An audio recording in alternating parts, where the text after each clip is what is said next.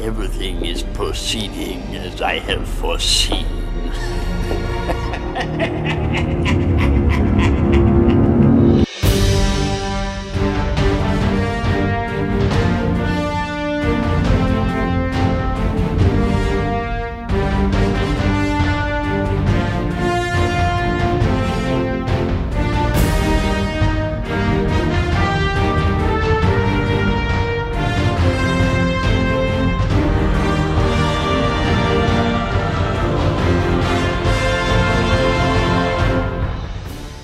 Hej alle sammen og velkommen til De Danske Guardians episode 106 Vi er De Danske Guardians, Danmarks første, bedste og eneste Destiny podcast Og med mig i dag, der har vi Twitch-verden Mika Højgaard.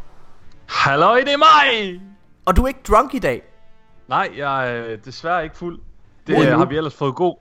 Endnu. Vi har ellers fået god respons på det i sidste episode. Jeg håber, I nød at øh, være lidt tipsy med mig. Hvordan var det Men vi får, da, vi får lige en lille en i dag. En lille scotch. Ja, du drikker lidt alligevel Det kan være endnu med at gå galt Det er lille fredag, ikke? Hvordan var det egentlig at være fuld i, øh, i- i podcasten? Det var en meget surrealistisk oplevelse, vil jeg sige.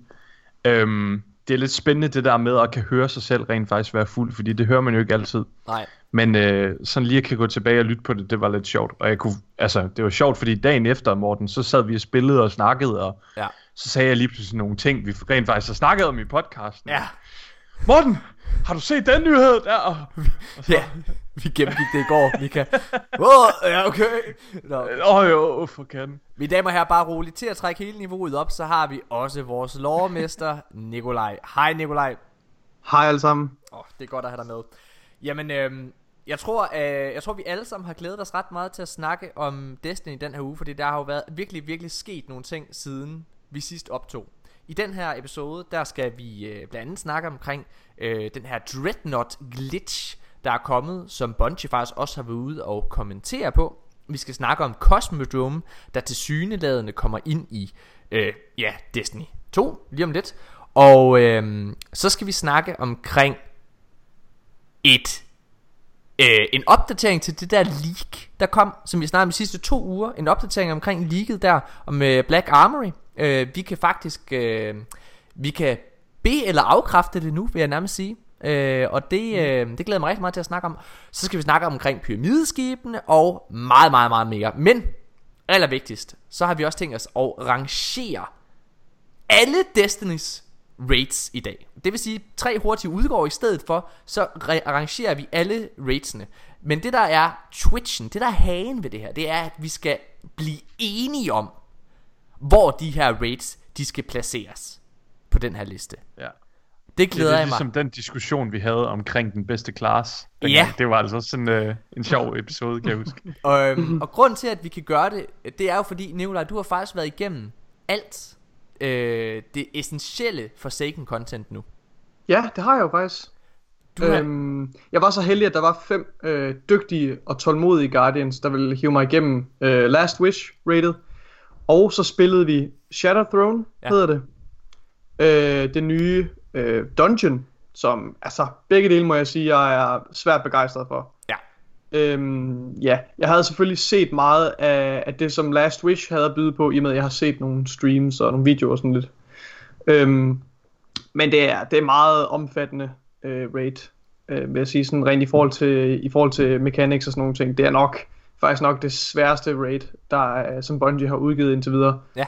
Øhm, og så var jeg umiddelbart meget, altså virkelig blæst om kul af størrelsen af de områder, man, øh, man, man går rundt i nede Ja. i The Shadow Throne. Og det er, altså der viser Bungie virkelig, at de er i stand til at kreere sådan nogle virkelig store, spektakulære omgivelser i det her, i det her Ascendant Realm. Øhm, så ja, to helt fantastiske oplevelser. hvad var den største oplevelse af de to?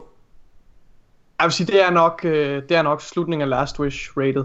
Ja. Altså øh, på grund af Riven. Øh, altså hele, hele den måde, hvordan man... Øh, altså jeg synes, jeg synes øh, hele kamppladsen omkring øh, Taken King bossfighten var en lille smule øh, begrænset. I og med at du stod på en platform, og, og så bevægede øh, Oryx, han bevægede sig ligesom rundt om den her platform og kiggede ind på en. Og det var stadigvæk en fin, god, øh, fin måde at vise en meget stor øh, skurk på, ikke også? Øh, og, det, og jeg tror, det har været nogenlunde lige inden for det, de var i stand til at, at, at, at lave rent teknisk. Men, men Riven boss fighten er jo langt mere øh, dynamisk, eller hvad man skal sige. Mm. Altså, du, du, du, øh, du kører jo sådan en cyklus, hvor du, du, du kæmper dig opad i tårn. Nej, du starter oppe, falder ned forbi Riven, ind i Rivens bur, eller hvad man skal sige. Ja.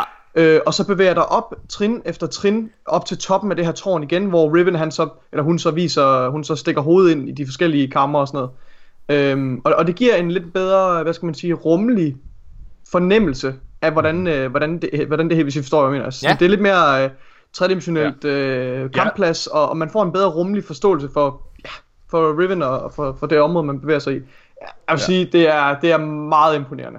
Jeg synes det var og det synes- var virkelig sjovt. Jeg synes, det føles som en meget mere autentisk kamp, mm. end øh, mange andre raids, vi har haft, fordi at øh, selve kampen, den eksist altså det er en masse forskellige faser, du skal igennem. Så det mm. føles ikke bare som rinse repeat, og så kører du om igen. Ja. Men det er meget mere sådan en en flydende rejse igennem nogle forskellige kamre og, øh, og callouts. Altså, Ja. det er fabelagtigt. Og, Ja. og jeg vil sige, animationen, altså effekterne, det visuelle ja. med, med Rivens, øh, Rivens hoved, er, synes jeg er, er virkelig fantastisk godt lavet. Sådan lidt, fornemmer jeg, lidt inspireret af, øhm, af Stranger Things med The Demogorgon, har jeg næsten lyst til at sige. Det her Ja. med, at du har de her, de her jeg ved ikke, lapper hen over ansigtet, der sådan åbner sig op. Ja, og sådan, ja, jeg er virkelig begejstret for, den der, for hele den boss fight der. Derudover så i den her uge, så er der jo også kommet Festival of the Lost. Og det her, det er altså... Prøv at vi stillede, vi stillede spørgsmålet. I sidste uge, der stillede vi spørgsmålet. Tror vi, at, øh, at Bungie, de kan holde det der med, at der ikke er content routes? Prøv at her. Hvis den her uge er en indikator, så er svaret helt klart, ja, der kommer, så, er der, så kommer der ikke til at være content routes, for jeg er fuldstændig stresset. Der er Festival of Lost, hvor der er et eksklusivt ja. gearsæt, jeg vildt gerne vil have. Der er, ja. øh, og der er selvfølgelig også den her Festival of the Lost aktivitet, øh, og der er den her øh, øh, auto rifle, du kun kan få ved at lave Festival of the Lost også. Derudover så er der Iron Banner i den her uge, hvor jeg vildt gerne vil have den Claws øh, of the Wolf Pulse Rifle, man kan købe fra, Iron, øh, fra hvad hedder den, Lord Saladin, for den er guard roll. Derudover, så, derudover, så er der Malfeasant questen, som man bør at få ja. I den her uge, ikke? Og alle de andre ting, der er Vi har, ikke, vi har ikke tid til milestones den her uge. det er så vanvittigt. Jeg er fuldstændig stresset. Skal vi bare lige hurtigt. Vi er jo slet ikke et sted, hvor vi kan anmelde Festival of the Lost endnu, fordi for første gang nogensinde i forhold til Festival of the Lost, så har den virkelig mange niveauer. Den har en helt øh, unik game mode, der er kommet. Hvad, øh, hvad synes I om umiddelbart om øh, Haunted Forest? Jeg, øh, jeg, jeg havde virkelig lave forventninger, da jeg gik ind i det. Jeg havde ikke regnet med noget stort. Jeg havde regnet med, at det var sådan en lille snibboldbane, vi måske skulle løbe rundt på mm. og kaste med snibbold på hinanden. og så, øh, så spillede vi den dreng, og jeg synes øh, umiddelbart, at jeg blev meget hurtigt underholdt. Man skulle lige øh, fange den meget simple catch, der ligesom var på det. Men når man lige kommer i gang, og, og man kommer ind i den der grind med, at okay, det er bare kom frem til 100%, dræb en boss, kør op igen.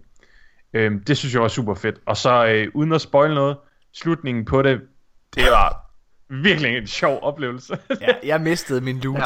Jeg mistede min loot anden gang, jeg kørte det igennem. Det var nederen. Ja. Nå, det hvad gjorde mig hedder... og Nikolaj første gang. Øh, Ja. Jeg synes også, øh, jeg synes også det var øh, rigtig sjovt. Ligesom dig, Mika, så var jeg også meget positivt overrasket. Og jeg havde også øh, ret lave forventninger til det. Øhm, og nu, nu vil jeg lige kaste en under bussen. Øh, fordi Janus, øh, Janus Hasseris, han, øh, han skrev jo inde i vores, han skrev til os inde i vores chat.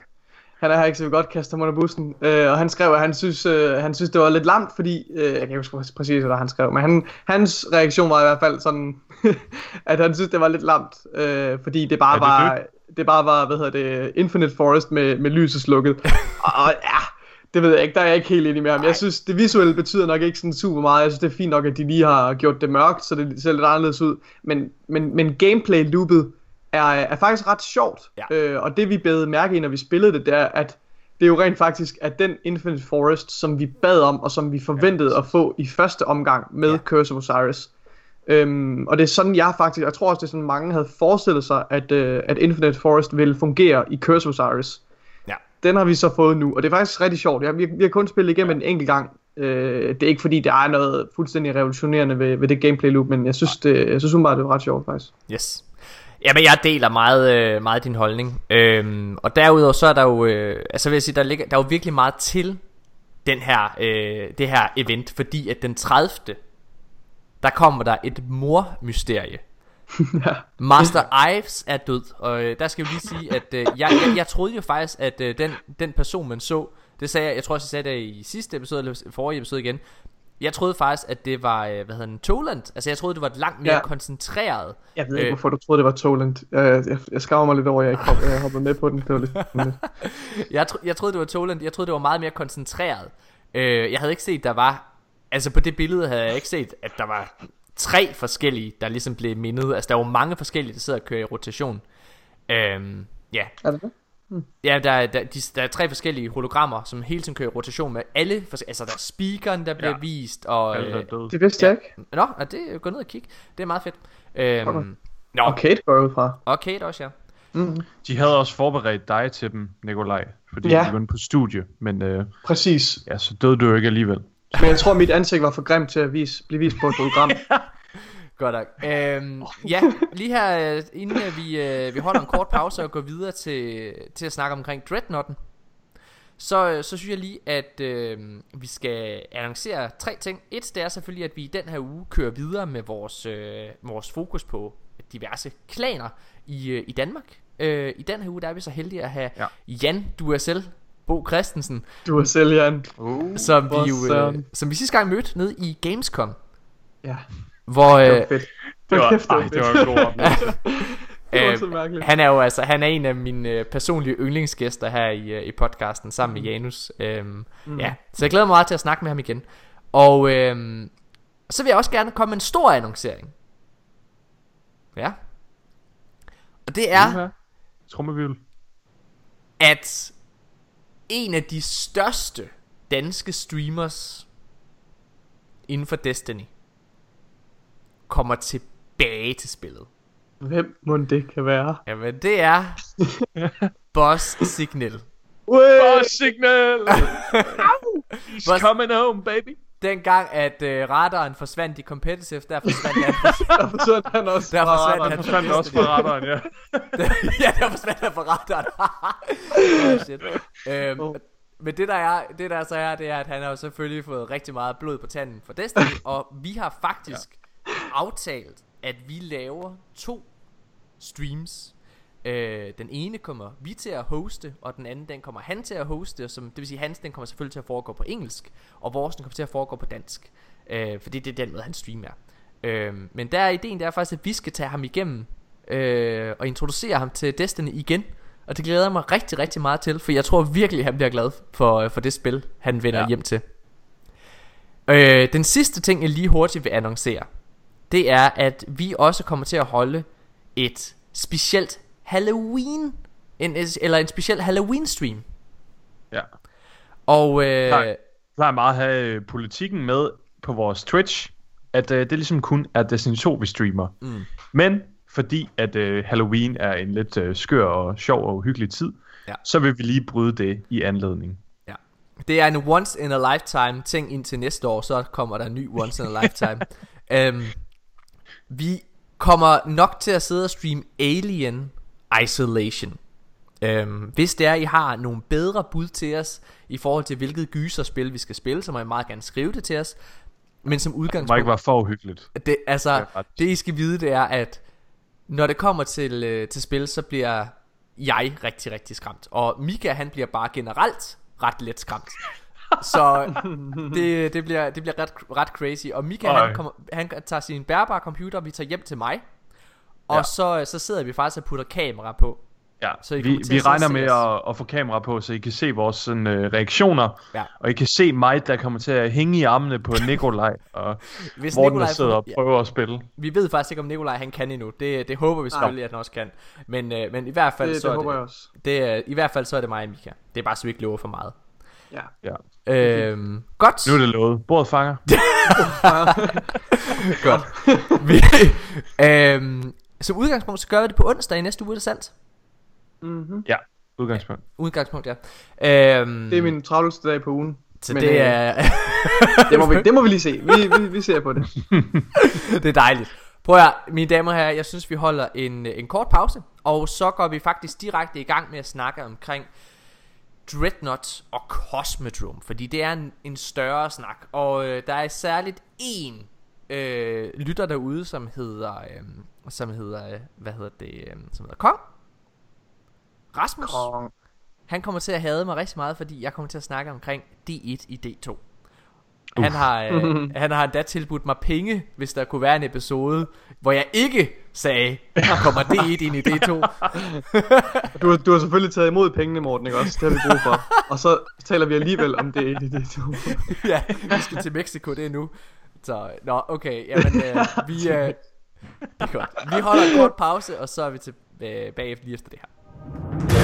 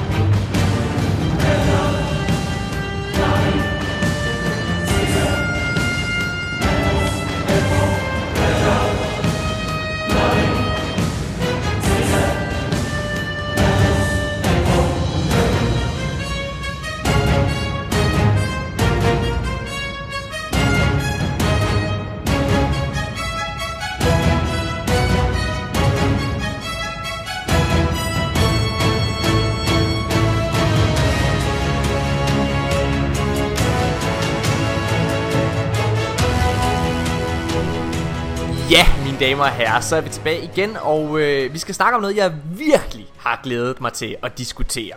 Fordi for en uge siden cirka, så skete der noget i spillet. Øhm, når det var, at man gik ned på Titan for at øh, lave sit øh, Heroic Adventure, som man kunne få Powerful Gear ud fra, så var der rigtig, rigtig mange spillere, der begyndte at rapportere om, at de havde en anden loading screen. Faktisk så var det de oplevede Det var at i stedet for at flyve ned til Titan Så fløj de i en ufærdig øhm, Skal vi kalde det, skal vi kalde det cutscene hvad, Animation. Hvad? Animation Ja, det-. Cinematic Loading, loading screen. Loading Ja. cinematic Ja, ja, ja, okay. ja.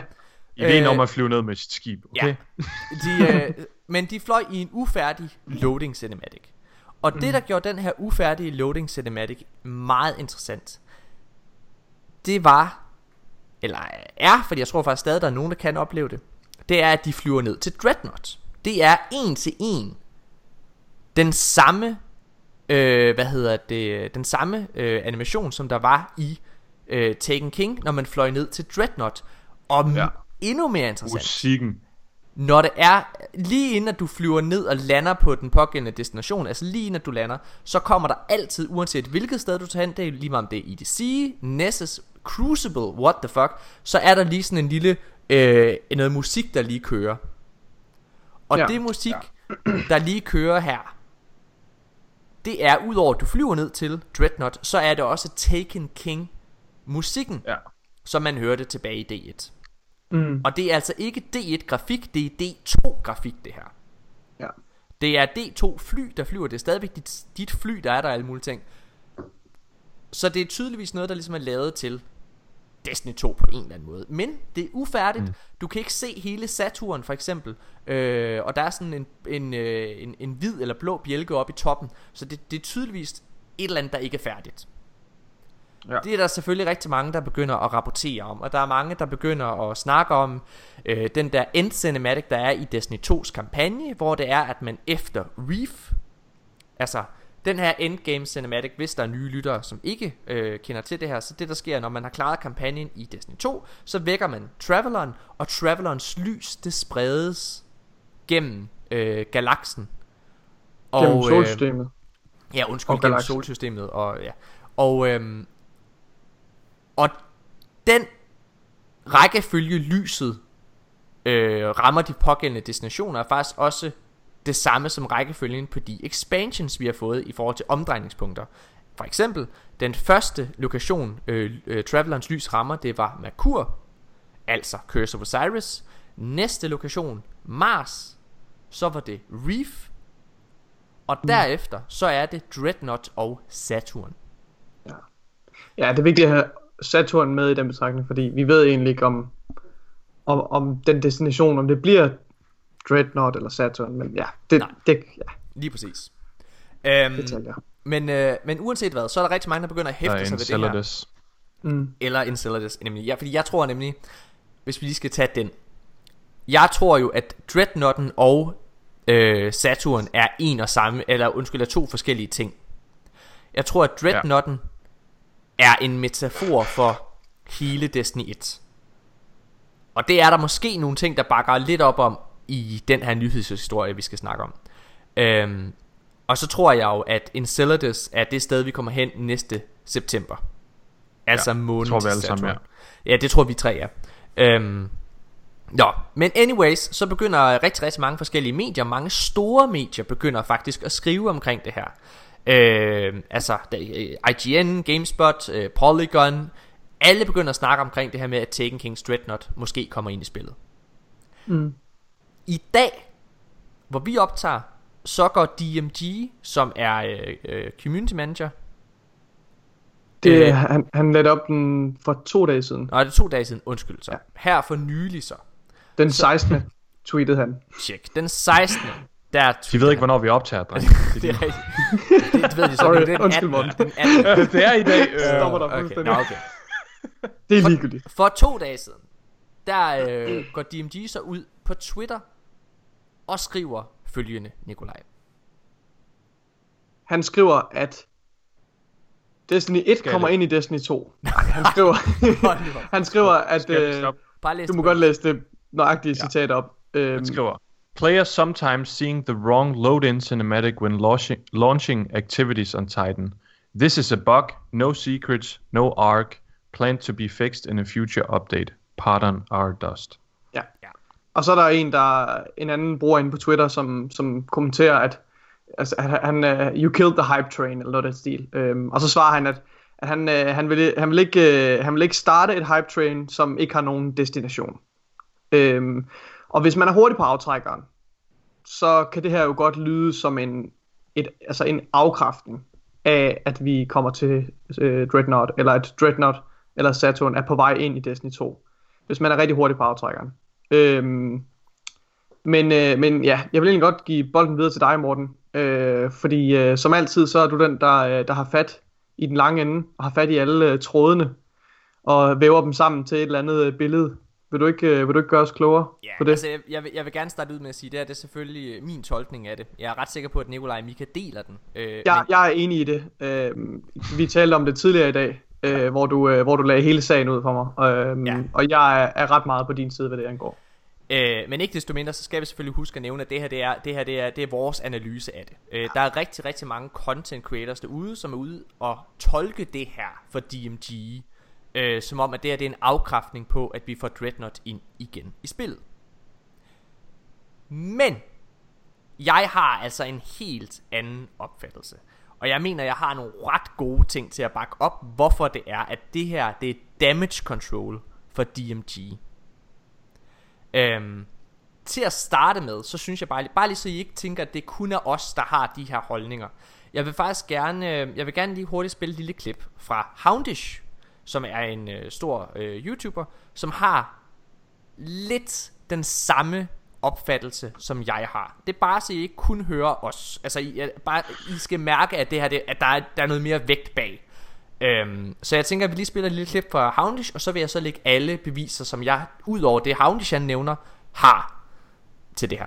But firstly, I want to jump back to something that happened last week Of course, a lot of players reported having Dreadnought loading screens in Destiny 2, and these are happening when loading into different activities on Titan. Now, DMG actually had something to say about this, so he said, Players sometimes seeing the wrong loading cinematic when launching activities on Titan. This is a bug, no secrets, no ARG, and it's planned to be fixed in a future update. Pardon our dust. So, obviously, a pretty interesting statement. However, this was very obviously a bug already, and the roadmap has hinted that we could return to Saturn, or indeed the Dreadnought. So just because it's a bug and it's not supposed to be there, or Bungie aren't intentionally revealing any secrets, doesn't necessarily mean that it doesn't hint to future content in the game, but as always, this isn't intentional stuff, so really anything could happen, but I'd be curious to hear your thoughts about the future roadmap for Destiny, especially considering the Dreadnought and Saturn were actually shown in that post-game cinematic. Ja, som sagt, det var Houndish, og, øh, og ja, Mika øh, deler også lidt samme holdning. Altså, du tænkte også lidt det her med, at øh, jamen, altså, vi ved jo godt, det er en bug. Vi kan jo se det her, det er Ja. bug, fordi det er ufærdigt. Det vi også nævnt det her i, i, i sidste, Præcis. ja, før vi spillede klippet fra Houndish. Ja. Øhm, Han hvad- går, han går ikke ind og specifikt og siger, Dreadnought kommer ikke. han går ind og kommenterer på, at den her bug, der er, der er der ikke nogen hemmeligheder eller nogen ark bagved. Ja, Og øh, ja, som Houndy siger, altså, vi er klar over, det er en bug. Det ved vi godt. ja. det, det er øh, lige præcis. Jeg vil, gerne, jeg vil gerne lægge nogle beviser ud til, hvorfor det er, at Dreadnought kommer ind i spillet. Den allerførste, det allerførste bevis til, at jeg vil komme med, hvorfor det her det ikke er intentional. For det første, der er sikkert de, første, de, de, de, dem der er allerhurtigst på aftrækkeren, de vil sikkert sige, at øh, prøv at høre, vi kender ikke til kodning. Det her det er øh, det her det er leftover code fra D1.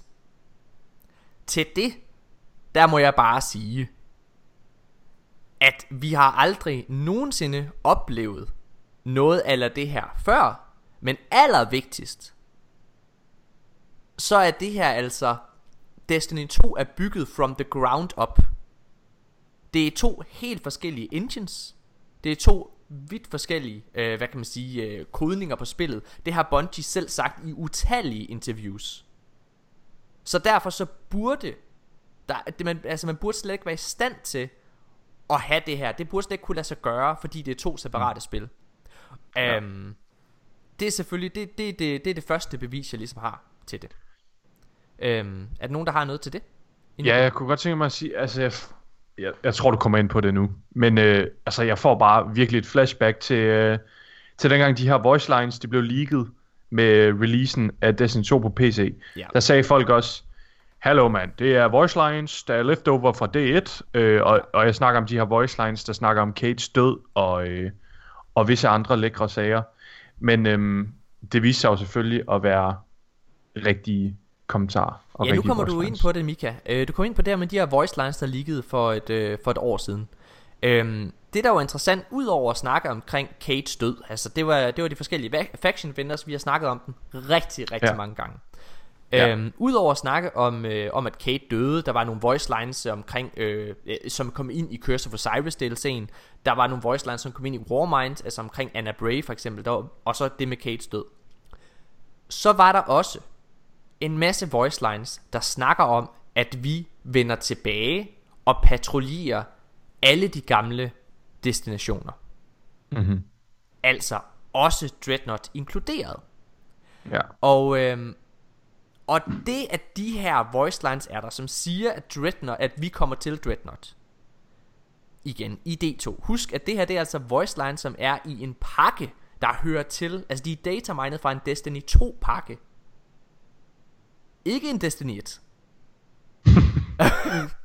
der, Men Morten, er det ikke det samme? nej. Mika, shut the fuck up. Jeg bliver tiltet. nej. Det der selvfølgelig er, det er, at, øh, at det viser, det er et eller andet, vi kommer til øh, i fremtiden. Og nu vil jeg bare gerne spille nogle af de her øh, voice lines, som har noget med Dreadnought at gøre. Øh, jeg vil gerne lige understrege, at der er 40 voice lines. Jeg tror, jeg, jeg spiller nok 5 eller 10 af dem. Bare lige. Øh, men det er bare sådan for at give jer billedet af, at det er ret tydeligt, at vi vender tilbage. When the next dreadnought arrives, I would prefer it to find an empty system. Tread carefully, Guardian. The dreadnought is a gun pointed at our heart. That ship is as deadly as the hive who climbs its walls. Be wary of Caution is your ally on the dreadnought. Do not become lost in its depths. We cannot leave this system with the dreadnought still looming. Back to Oryx's floating tomb, then. The dreadnought must be understood, and New Monarchy plans to be at the forefront of that understanding. The War Cult would pay you handsomely to plunder the Dreadnought. There is still much we don't know about Oryx's throne world. We've defeated Oryx, but the Dreadnought still lives. Do your part to fight it. The Dreadnought remains operational and must be contained. I can't imagine the horror you've seen on the Dreadnought. You and your ghost are brave to risk boarding that ship. Yes, så vi tilbage igen. Ja, det er så de her voice lines fra Dreadnought, som, øh, hvad kan man sige, ligesom ret kraftigt indikerer, at vi vender tilbage til den her location. Andre beviser på, at det her, det ligesom er, hvad kan man sige, damage control. Det er selvfølgelig en tolkning, men det kommer så fra min eget, fra mit, fra mit eget øh, synspunkt af, hvordan man ligesom håndterer det her.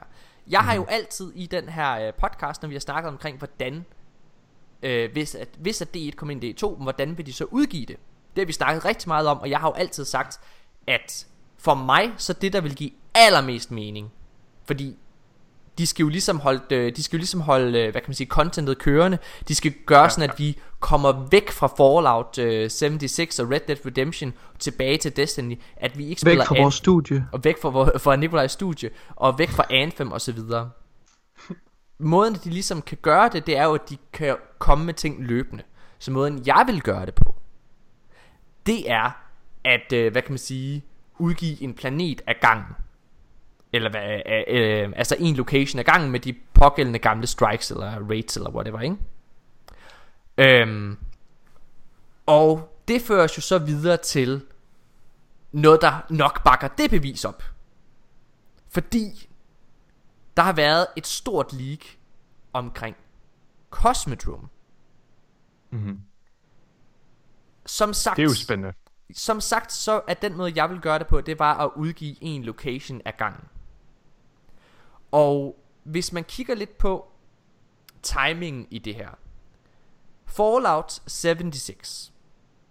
Det er et øh, stort nyt øh, MMO, Shared World Shooter-agtigt spil, ligesom Destiny. Mm-hmm. Det udkommer her den 23. oktober. Red Dead Redemption 2 udkommer den 26. oktober.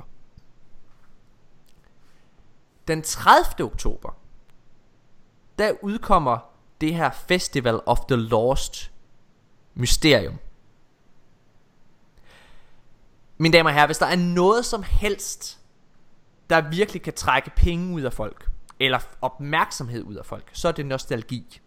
Og hvis I ikke tror på mig, så kig på salgstallene for billetterne fra for eksempel Star Wars The Force Awakens, øh, ja. Jurassic World, øhm, Kig på Mikas destruktive ja. forhold til House of Wolves. Ellers så kan jeg skrive under på det. Ja. Nostalgi er spag. Ja, altså det, det prøver jeg, kigger også øh, Mikas alkoholiserede, nostalgiske forhold til House of Wolves. Altså det er de, de sidder og, og trykker på vores knapper hele tiden Når det kommer til, til nostalgi Altså i underholdningsbranchen. Det er lige meget om det er tv-serier Altså igen se på hvor mange tv-serier der er blevet genoplevet. Øh, Altså det er alt fra nogle simple ting Som øh, Will, Will and Grace øh, Til øh, hvad hedder det øh, Til Buffy Vampyrenes Skræk Som bliver øh, genoplevet næste år X-Files der kom tilbage. Altså listen er så lang. Øhm, Pointen er bare, at her den 30. oktober, der kommer det her mysterie til Festival of the Lost. Og der er et leak, der indikerer, at vi faktisk skal tilbage til Cosmodrome. Ja. Og øh, det her er mega, mega stort. Nu er Festival of the Lost startet. Vi ved, at det er Amanda Holiday, som er vores venter. For resten. Så, så spoiler alert vil nok være på sin plads her, tænker jeg. ja, hvis man Det er ret entydigt og overbevisende, det vi Hvis skal man- til at høre om lidt. hvis man ikke vil vide noget som helst omkring, hvad den her mission den indebærer, øh, så, så skal du lige skippe øh, et par minutter frem. Øh, men jeg kommer til at spille en del af de her voice lines, så der er rigtig mange andre medier, der også har, der har afspillet dem. Øh, men det, altså, der, du, det, du, kan, du kan ikke være i tvivl om, at det er Cosmodrome, vi er på. Der bliver sagt, Nå, vi er her mellem, øh, det var her dit øh, spøgelse fandt dig, altså det, det var her dit ghost fandt dig blandt de her rustne biler og alle mulige ting. Øhm, og, og hun siger også Cosmodrome specifikt. Så øh, ja. det er, øh, det, er, det er ret spændende. Jeg synes måske bare, vi lige skal lytte til de her voice lines. One time, I asked Ikora why the Golden Age leftovers are so mixed up. We were colonizing other planets, right? Everyone was living 300 years. So why were they still driving around in rust buckets like this? Remember when a bunch of nanotech sporting aliens came swarming out of Russia? And two knights with flaming axes were the only ones that could stop them? It's been a weird couple years. Used to be the Fallen pretty much owned the Cosmodrome, and then they just split. Right before the Legion hit us. Left a lot of stuff, some of it real useful. I put a tarp on something you're not coming back for. Unless they did come back after all. Cade brought me out here once. We looked at all the cars, all the people who died trying to get to safety during the collapse. And he said, Listen, don't worry about dying. Death isn't the end, not since the Traveler showed up. You ever feel sad about your folks? You just wait for them to show up again as guardians. You just wait. I'm still waiting. That's where your ghost found you, huh? Wonder if you were part of the Exodus or someone who came along after.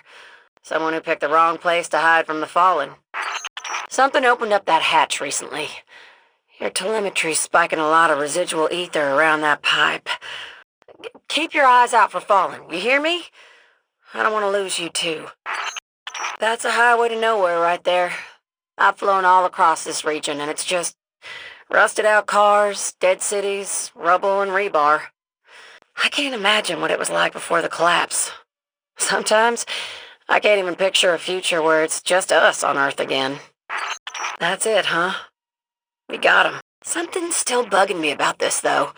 Get back to that teleporter when you can. But listen, I don't think my little trick is gonna fool Zavala twice. This might be the last time you ever set foot in the Cosmodrome. See you back in the tower.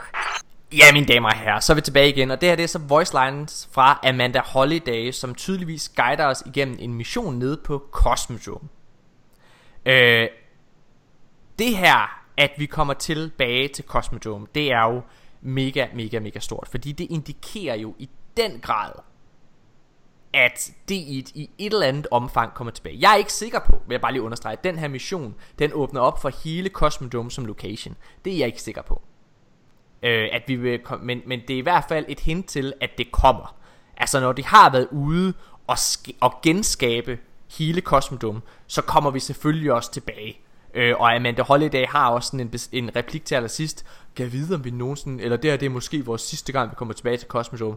Nej, det er det ikke. Fordi jeg lige sidder og brugt en masse ressourcer på at genskabe det. Så det, altså, det, det, det, det, Det kan være bubble locations. Det er sådan en mission, man lige spiller en gang, og så ser vi det aldrig igen. Nej, det tror jeg simpelthen ikke. Ja, ja. Øhm, har, Nikolaj og ikke. hvordan, øh, hvordan har I det til det her?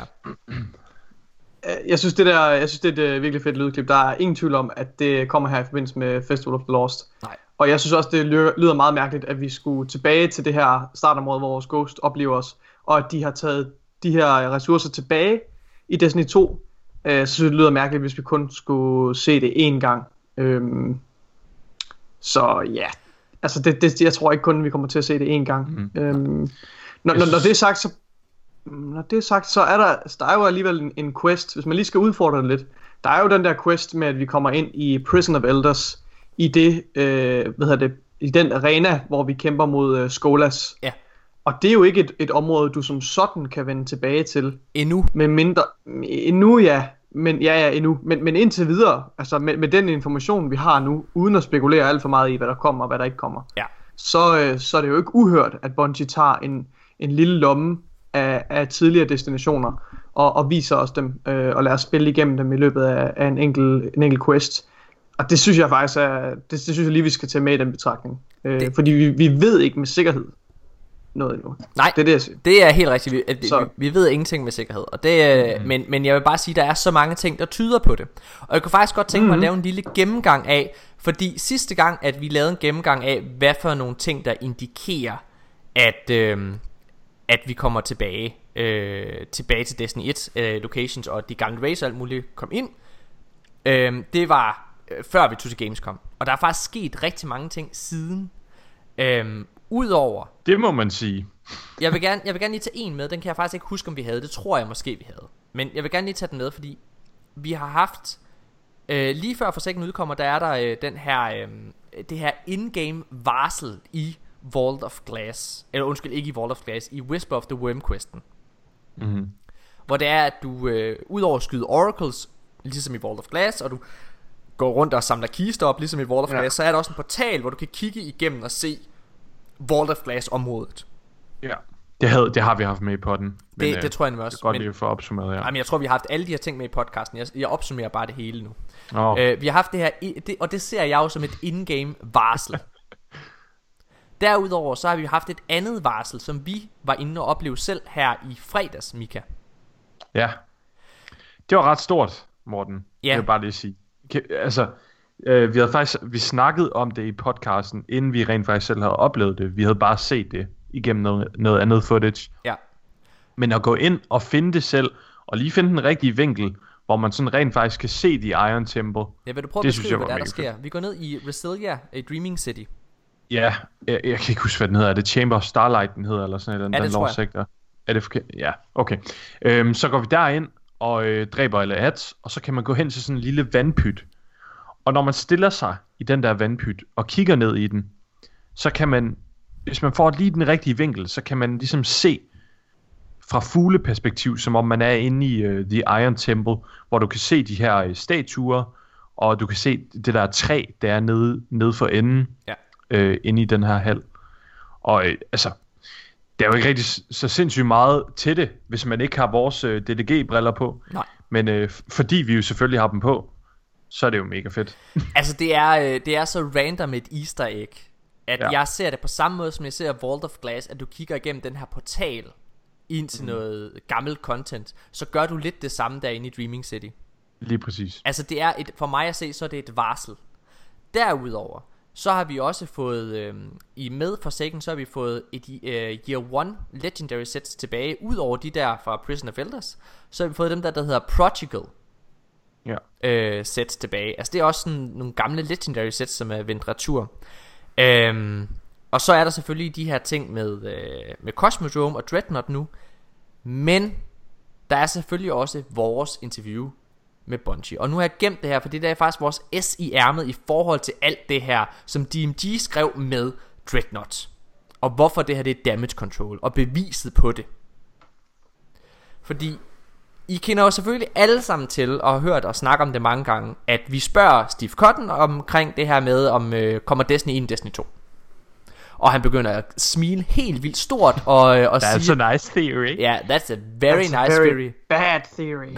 that's a very nice Very theory. for- naughty. No, no, no, no. That's a naughty theory. Who talked? Nej. Øh, det siger han ligesom på gange og alle mulige ting, og, og DJ'en er mundlam.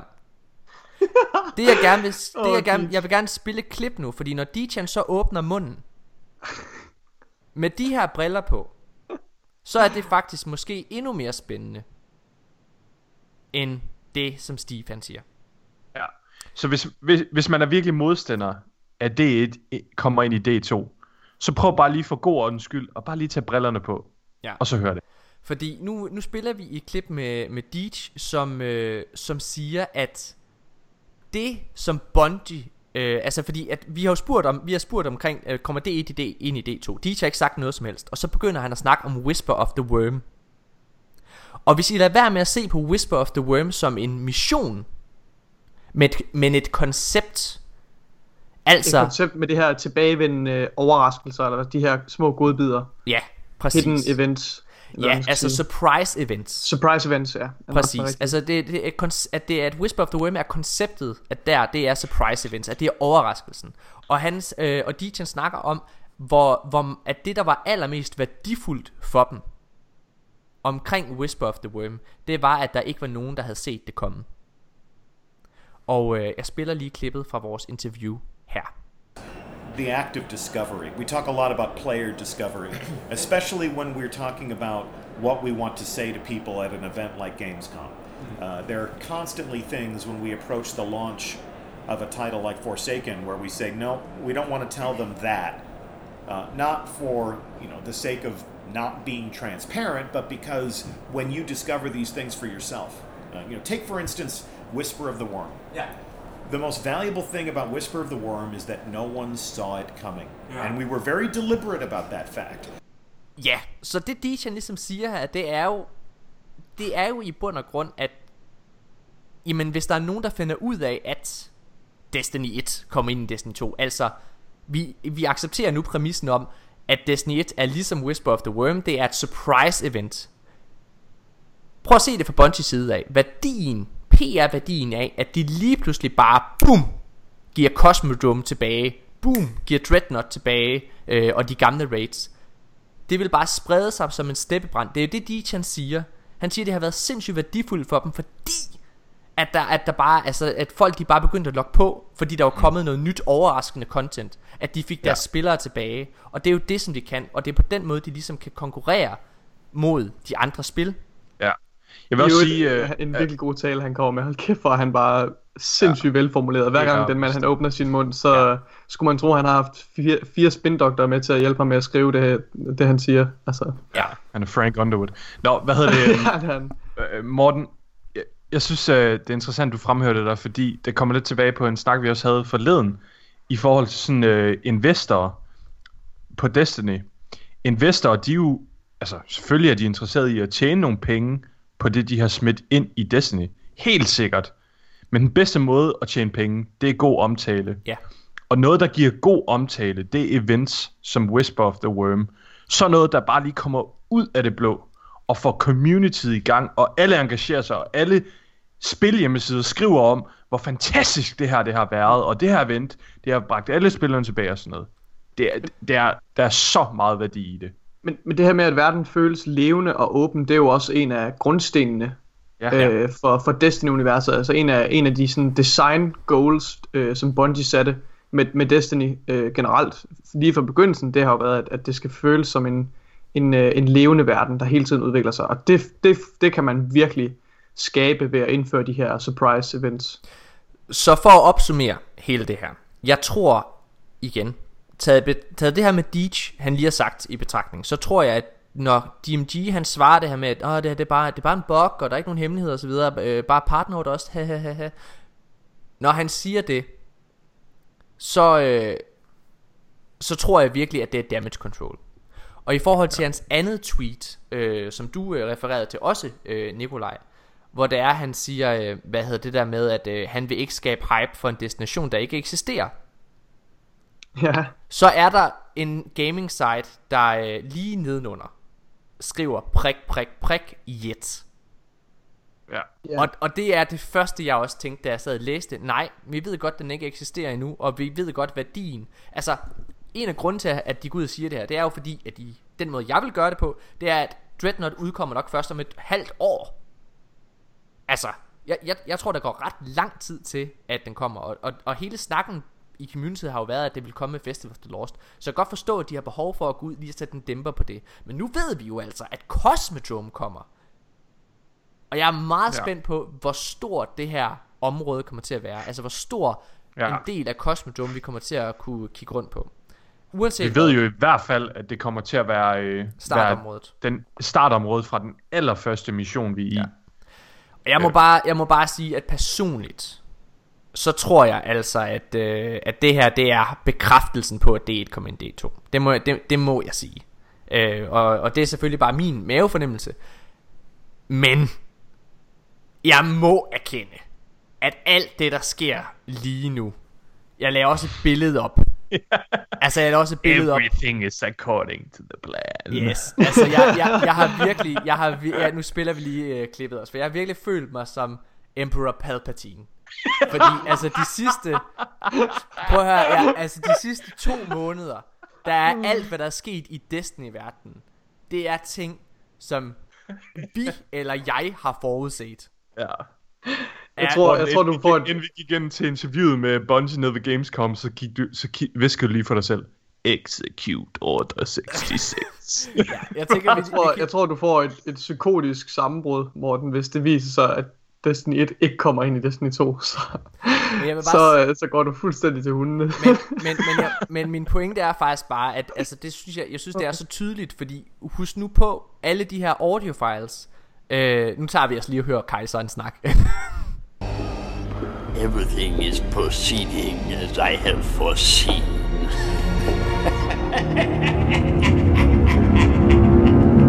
Ja, det var lige Emperor Palpatine, vi lige kunne høre der. Og det er, altså, det er fordi, jeg har virkelig følt mig som Emperor Palpatine her på det sidste. Altså, jeg, jeg, jeg, jeg, jeg ni, det er så ikke, jeg, jeg ved godt, folk hader, når jeg, altså lytterne hader, når jeg sådan sidder og ophøjer mig selv. Så derfor vil jeg gerne bede jer to om at gøre det.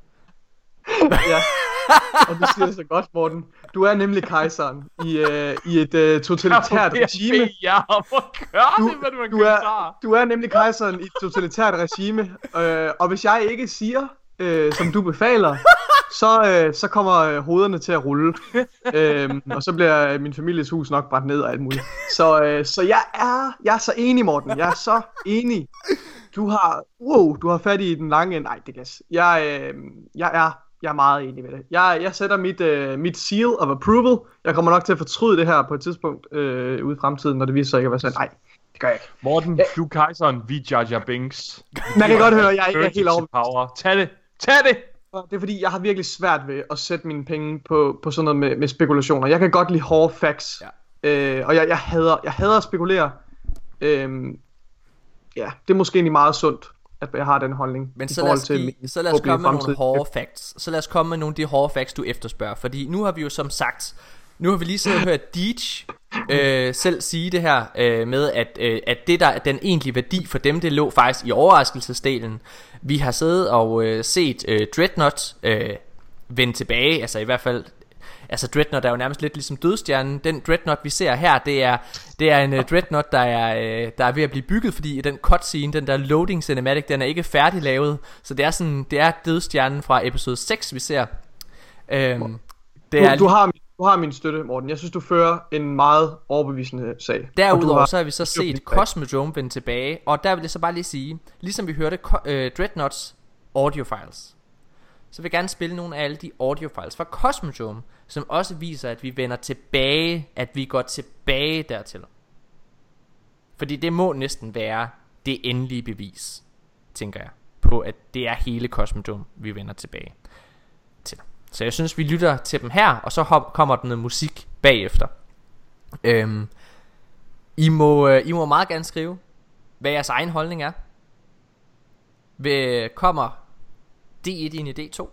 Tror I DMG han taler sandt Eller er det noget helt fjerde vi, øh, vi er ude i øhm, Nikolaj jeg vil faktisk Jeg vil rigtig gerne spørge, øh, spørge dig om noget Fordi du er jo du, øh, altså, du er skeptisk Og det ligger til din, til din natur det ligger til min natur at være skeptisk ja. øhm, jeg, har, jeg har meget svært ved at, at tage et, et meget sådan konkret standpunkt Men i det her tilfælde Jeg synes virkelig du har, du har lavet dit, øh, dit hjemmearbejde Du har styr på dine facts øh, og du laver rigtig mange observationer og, og connections, som der ikke er mange andre, der gør. Øhm, så så ja, du, har, du har min fulde opbakning med den her. Jeg synes, det, jeg synes det, det virker meget overbevisende. Det er dejligt. Vi hører lige nogle, øh, kos, hvad hedder, nogle audio files fra Cosmodrome nu, og så er vi tilbage med øh, vores rangering af alle de, øh, rates i Destiny. The Cosmodrome was a beacon of the Golden Age. We must know more. New Monarchy has a keen interest in the Cosmodrome. The Cosmodrome is our closest link to the war mines of the Golden Age. We must defend it. Find anything useful among the Russian shipyards? Head to Old Russia. Scour the Cosmodrome. Old Russia is calling, friend. Buried in the Cosmodrome are secrets that can unlock the stars. Return to where humanity's exodus began. What mysteries drew you to the Cosmodrome this time?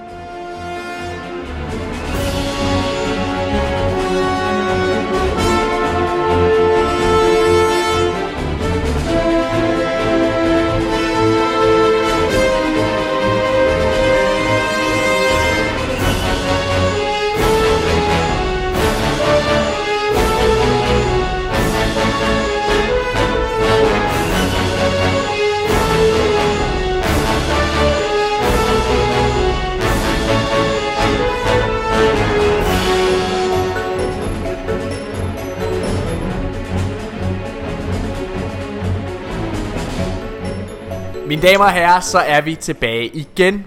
Og øh, det vi skal til at gøre nu, det er, at vi skal til at rangere alle rates. Men det der som sagt er hagen, det er, at vi skal blive enige om rangeringen. Vi har alle sammen hver især lavet vores individuelle liste, og jeg har ikke set hverken Nikolajs eller Mikas, og de har ikke set min. Og nu vælger jeg en. Jeg vælger Mika. Mika, nu, Jaha. læser, nu, nu, nu læser du din liste højt. Okay. Og Nikolaj, så skal vi, at vi skal jo så blive enige om, hvad der egentlig skal stå der. Vi, nu må vi se, det kan være, at vi er okay. Helt enige med dig jo. Okay. Vi er enige om, at øh, der er 8 raids, ikke? Der er 8 raids. Skal vi lige genopfriske dem alle sammen, fordi vi tæller raid Ja. med. Der er... Jeg Protoss- fortæller dem lige. Yes. Nå, okay. Ja, der er... Wall of Glass. Wall of Glass. Crotus End. King's Fall. Wrath of the Machine. Leviathan. Eater of Worlds. Spy of Stars. Og Last Wish. Yes. Ja.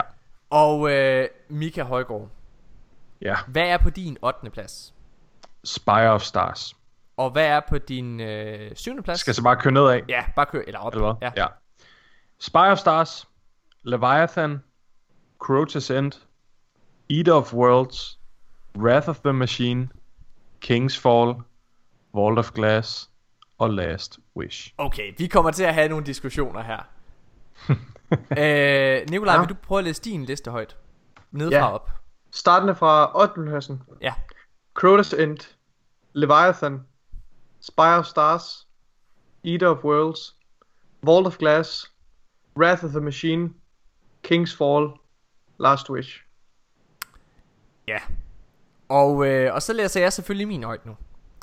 Jeg har Spy of Stars, Crota's End, Eater of Worlds, Vault of Glass, Leviathan, King's Fall, Wrath the Machine og Last Wish. Så det vi egentlig skal blive ja. Ja. enige om nu. Skal vi starte med 8. pladsen? Der er nogle af dem Ja. her, jeg godt kan se, vi, vi, Vi godt gentager os lidt her i 8. pladsen, gør vi ikke det? Øh, 8. pladsen, nej, der har... Nej, I to har of Worlds på... Nej. Nej, of of Stars, Stars. begge to, ja. Vi har begge to Spy Ja. of Stars. Jeg synes Hvorfor? egentlig... Jeg vil gerne Hvad var det, du havde, Nikolaj? Jeg har Crotus End. Hvorfor er den dårligere end Crotus End? Jeg, jamen det, for mig så handler det faktisk om øh, nydelsen med at spille det og tilgængeligheden. Jeg synes faktisk at Spy of Stars, jeg synes, eller jeg vil gerne understrege, alle de her raids synes jeg Ja. individuelt er gode. Men Mhm. mm-hmm. jeg synes Spy of Stars er det svageste, fordi det er det jeg har været motiveret mindst til at spille. Øhm, og det er Okay. simpelthen fordi det er for øh, mekanik tungt. Altså det er for øh, altså der er altid nogen der fucker op i det, synes jeg. Øh, og så bliver det til en frustrerende oplevelse. Og, og turen hen til selve bosskampen er også i min optik alt for lang, altså den der hobby-ting der. Den er, den er meget kedelig. Ja. Øhm, og jeg synes, jeg er meget enig i, hvad du siger, Morten. Det kommer rigtig meget ned til nydelse af rated. Hvor Ja. sjovt er det egentlig? Ja. Og Øh, der, Jeg, jeg kan der godt følge jeres argumenter. Jeg tror faktisk godt, jeg vil være i stand til at bøje mig på den. Og så kan vi godt blive enige om uh, ja, jeg of tænker... Stars bunden. altså- den altså- lå alligevel på min, uh, på min uh, 6. plads, så... Okay. Så... Det var Så, så lidt hårdt. Jeg har sat Leviathan under Spy of Stars. Det var godt lidt hårdt. så hvis jeg nu... Øh, så nu skriver jeg her officielt. Jeg skriver hader Spire. Jeg skriver Spire. Ja. Den kom på Og- 8. Yes. Og så, øhm, så skal vi videre til syvende pladsen. Nikolaj, hvad har du der på syvende pladsen? Der har jeg Leviathan. Ja, den kan jeg på ingen måde gå med til, at den Nej, er på syvende den, pladsen. den, den, den må... Øh, jeg tror, jeg vil sætte Spy of Stars i stedet for. Nok på 7. plads. Der vil jeg sætte Crota's End. Nej, undskyld. Ja. Undskyld, der vil jeg sætte Crows End så, fordi Stars... Jeg, øh, ja, jeg er fuldstændig enig i Crow's End. Ja, Ja. det er vi alle tre enige om så. Jeg, Så- jeg fucker rundt i det, men ja. Øh, så, så ser vi Crota på. Crota er... Øh, altså, Crota var, var ret fedt, når det ligesom var der, synes jeg. Altså, Ja. ja. det, det var sådan forholdsvis hurtigt at komme igennem, og meget action-packed. Øhm, Ja. ja. Modsat alle de Også andre. meget forskellige environments, man, man er i. Altså fra starten, hvor du starter nede i, ja. Ja. i dybet, Ja. Øhm, ja. og så ind i hans Ascended Realm. Det er okay. For mit Meget. vedkommende, så er, øh, så er 6. pladsen Eater of Worlds. Okay. Okay. Vi har, vi har været ret begejstrede Min- for Argos boss min- fight generelt, morgen. Ja, mm, altså, jeg, jeg synes lige, man skal huske på, det er jo ikke fordi, at nogle af raidsen er dårlige. Nej. Altså, som du sagde lige før, Morten. Det er jo, det er jo alle sammen fabelagtige oplevelser, synes Ja. jeg. Jeg kunne ikke være for uden nogen af dem. Nej. Men, øh, altså på min, på min sjælplads har jeg øh, Leviathan. Ja. Øhm, og altså, jeg ved godt, vi ikke er der endnu, men lige over, så ligger Eater of Worlds. Så de er meget tæt på for mig. For mig at se, så er det, det Øhm. handler om. Altså, jeg, jeg synes, Crotas End og Eater of Worlds, dem, jeg nyder at spille begge to rigtig meget. Det, for, det der er for mig, det er faktisk, jeg synes, at... Altså, jeg tror faktisk, at hvis jeg bare sådan nøgternt skal se på hver enkelt fase, så vil jeg faktisk sætte Crota's End over Eater of Worlds, fordi den er så action-packed fra start til slut, og der, ja. Ja. er, altså, der er hele tiden action på og gang i den. Men bosskampen i Eater of Worlds er bare så gennemført, og er en af de bedste mm. bosskamper, der nogensinde har været i Destiny. Ja. Og, Ja. øhm, og derfor så bliver den hævet i min optik over Crota's End. Øhm, men jeg synes, jeg synes ikke, at der er nogen af de her mini-raids, skal vi kalde dem det, der er oppe på samme niveau som nogle af de egentlige raids. Åh, Ja, ja. jeg, jeg, jeg, jeg nyder mere at køre uh, Eater of Worlds, end jeg nyder at køre Leviathan. ja. Jeg har aldrig Jeg synes, rigtig følt øh, mig motiveret til at spille Leviathan, men jeg synes, Nej. Eater of Worlds har altid været en sjov og fed øh, kamp, også med bossfighten til sidst. Okay. Lige præcis. Det er faktisk jeg, jeg, føler virkelig, jeg føler virkelig Leviathan, det er en, øh, det er en tedious oplevelse. Okay. Mm. Jeg føler, at jeg, jeg kører rundt i det samme hele I sammenligning tiden. med de andre. Ja, i sammenligning med de mange af de andre. Jeg synes, Eater, jeg synes virkelig, Leviathan er... Jeg er så uenig. Jeg har Leviathan på min fjerde plads, og jeg bliver nødt til at altså igen, jeg, jeg bliver nødt til at sige, Leviathan rated for mig at se er fabelagtigt. Jeg synes, at det er, den, den, den presser os til at kommunikere, den presser os til at spille som et hold på en helt anden måde, end nogle af de andre små raids, de, øh, hvad hedder det, de, ja. De gør. Og der er, hvad hedder det, det kan godt være, at der ikke er, at der ikke er bosser, det er helt klart, det er det, den mangler. Øh, hvad hedder det, altså flere boss fights. Men jeg synes bare, at hver enkelt encounter er så unikt, og der er så mange ting at lave. Altså, jeg synes, uh, Gauntlet er skide sjov. Uh, jeg synes, uh, hunden er skide sjov. Jeg synes, kampen med Kallas er vildt godt fundet på. Jeg synes, altså, jeg synes, jeg synes det der med, at, uh, at du bliver sendt ind i en anden dimension og skal sidde og kommunikere. Der er bare så mange ting i Leviathan, som uh, man også kan se i Last Wish, som jeg har på min første plads. Uh, øhm, og, Uh, Ja og derfor så kan jeg simpelthen ikke, jeg, jeg kan ikke, jeg, igen, jeg, kan, jeg er enig i, at Eater of Worlds er, er god, men jeg kan simpelthen ikke, jeg kan simpelthen ikke argument, jeg kan, jeg, jeg kan nærmest ikke stå inden for, at den står på en 6. plads, Leviathan. Nej. Men jeg synes, ikke, jeg synes ikke, at argumentet skal komme ned til, hvor godt rated tvinger os til at arbejde sammen. Jamen, det er jo en del af nydelsen for mig at se. Altså, det er det samme med Last Ja. Wish. Men vi Det er jo er- heller ikke enige om, hvad der, hvad der afgør, Nej, altså, hvad der, præcis. hvornår noget er godt rated er. Altså, øhm, jeg, du rammer den virkelig. Jeg synes virkelig, der mangler bosser. Men jeg synes også, en ting, jeg går rigtig meget op i, det er sådan det tematiske og det visuelle ved et raid. Okay. Og ja, Leviathan har nogle flotte omgivelser. Men jeg synes ikke, at de har den samme sådan pang-effekt, som Jamen, så mange mig- andre raids har. Så lad mig sige det på den her måde. For mig, den, nu har vi siddet og kørt både Eater of Worlds og Leviathan virkelig mange gange. Ja. Og selvom Eater of Worlds på papiret er lettere at gå til, så tager Eater of Worlds og Leviathan stort set samme tid at gennemføre for os. I den tid, de der 45 minutter, eller hvad fanden det er, vi bruger på Leviathan eller Eater of Worlds, ikke? Der er det, der kommer jeg igennem så mange flere oplevelser, end jeg gør i Eater of Worlds. Og den der smoothness, jeg synes bare, i Eater of Worlds, igen, jeg synes det er en fantastisk boss fight, men anden gang, at jeg laver den boss fight, så er det ikke fordi den som sådan er nemmere at komme igennem. Den er ikke mere tilfredsstillende at gennemføre anden gang. Den er, øh, det jeg synes der er ved Leviathan Det er at første gang der brugte vi en uge på at gennemføre det. Vi kunne simpelthen ikke finde ud af det. Men den der tilfredsstillelse med at raidet i sig selv faktisk ikke er sværere. Altså det- selve udfordringen i at komme igennem er ikke sværere. Det handler bare om at du kan snakke sammen med dit hold. Og hvis, det, hvis du kan det Så er det en fucking piece of cake at gå igennem det er mit mm. sidste argument. Hvis der ikke er nogen af jer, der er rykket på den, så er det jo igen, så må demokratiet jo tale, og så taber jeg naturligvis.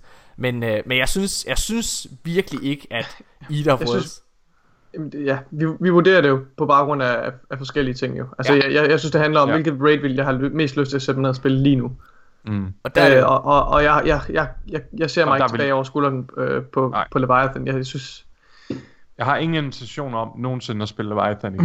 Nej, hvis Okay. jeg kan slippe for det, så vil jeg også. Ja. øhm, Lad være med det. Altså, jeg tror, jeg mangler et emblem derindefra, ellers så har jeg fået alt. Og det er det eneste, jeg nogensinde kunne finde på at gå derind efter igen. Men så fortæl, prøv at sætte ord på, hvorfor at Eater of Worlds er bedre.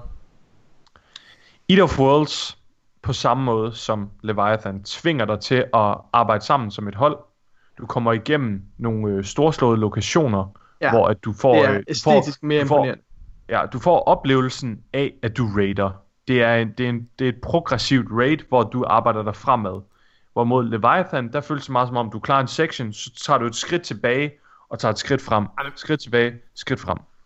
Det gør du ikke. Du, kører, altså, du kører jo Underbelly. Det er jo, du bliver rewarded mega meget. Det ved jeg ikke, om jeg, om jeg er enig, men jeg, ved ikke, jeg, jeg synes også bare, den mangler boss fights. Og altså, hvis, hvis, hvis vi... Altså, Morten, du insisterede på, at vi skulle have, have raid lairs med i den her liste. Mm. Jeg, vil, jeg vil som udgangspunkt ikke have raid lairs med på den her liste.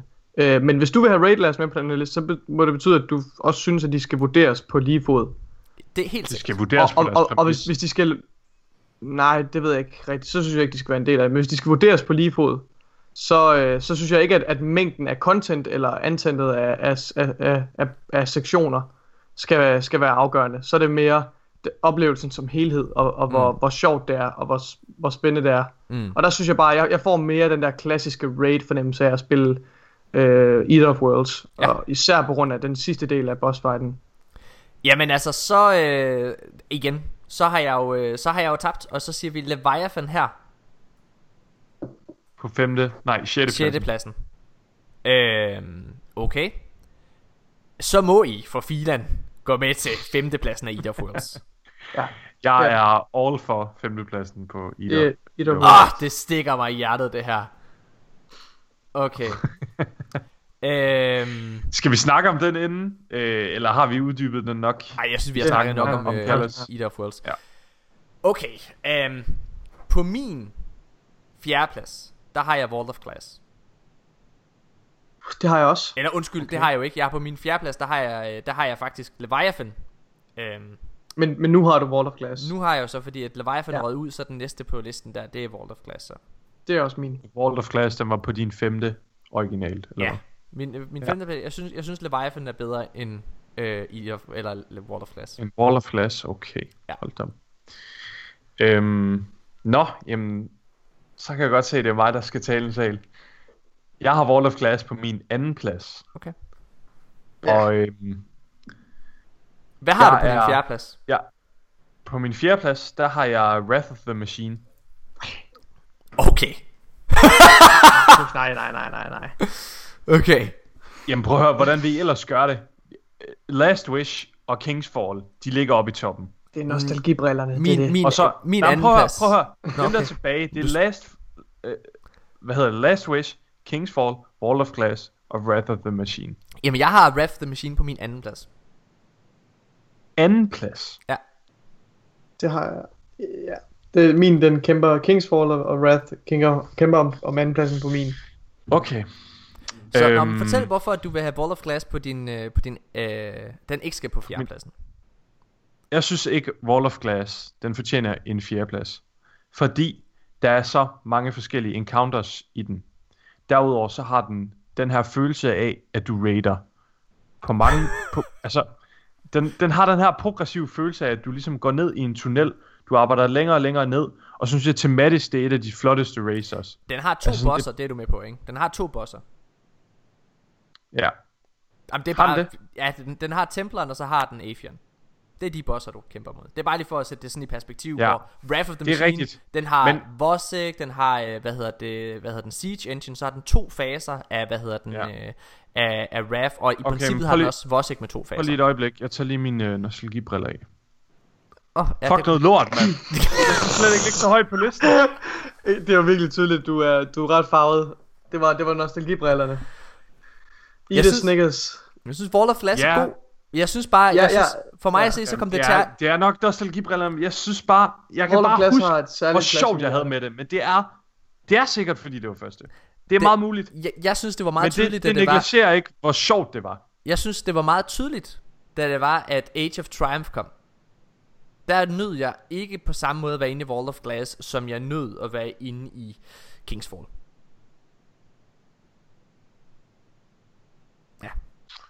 Jeg synes Det- stadig, uh, Wall jeg of Glass er en fantastisk oplevelse. sikkert. Men, men, men, men altså, de har bare overgået sig selv med længder siden. Ja.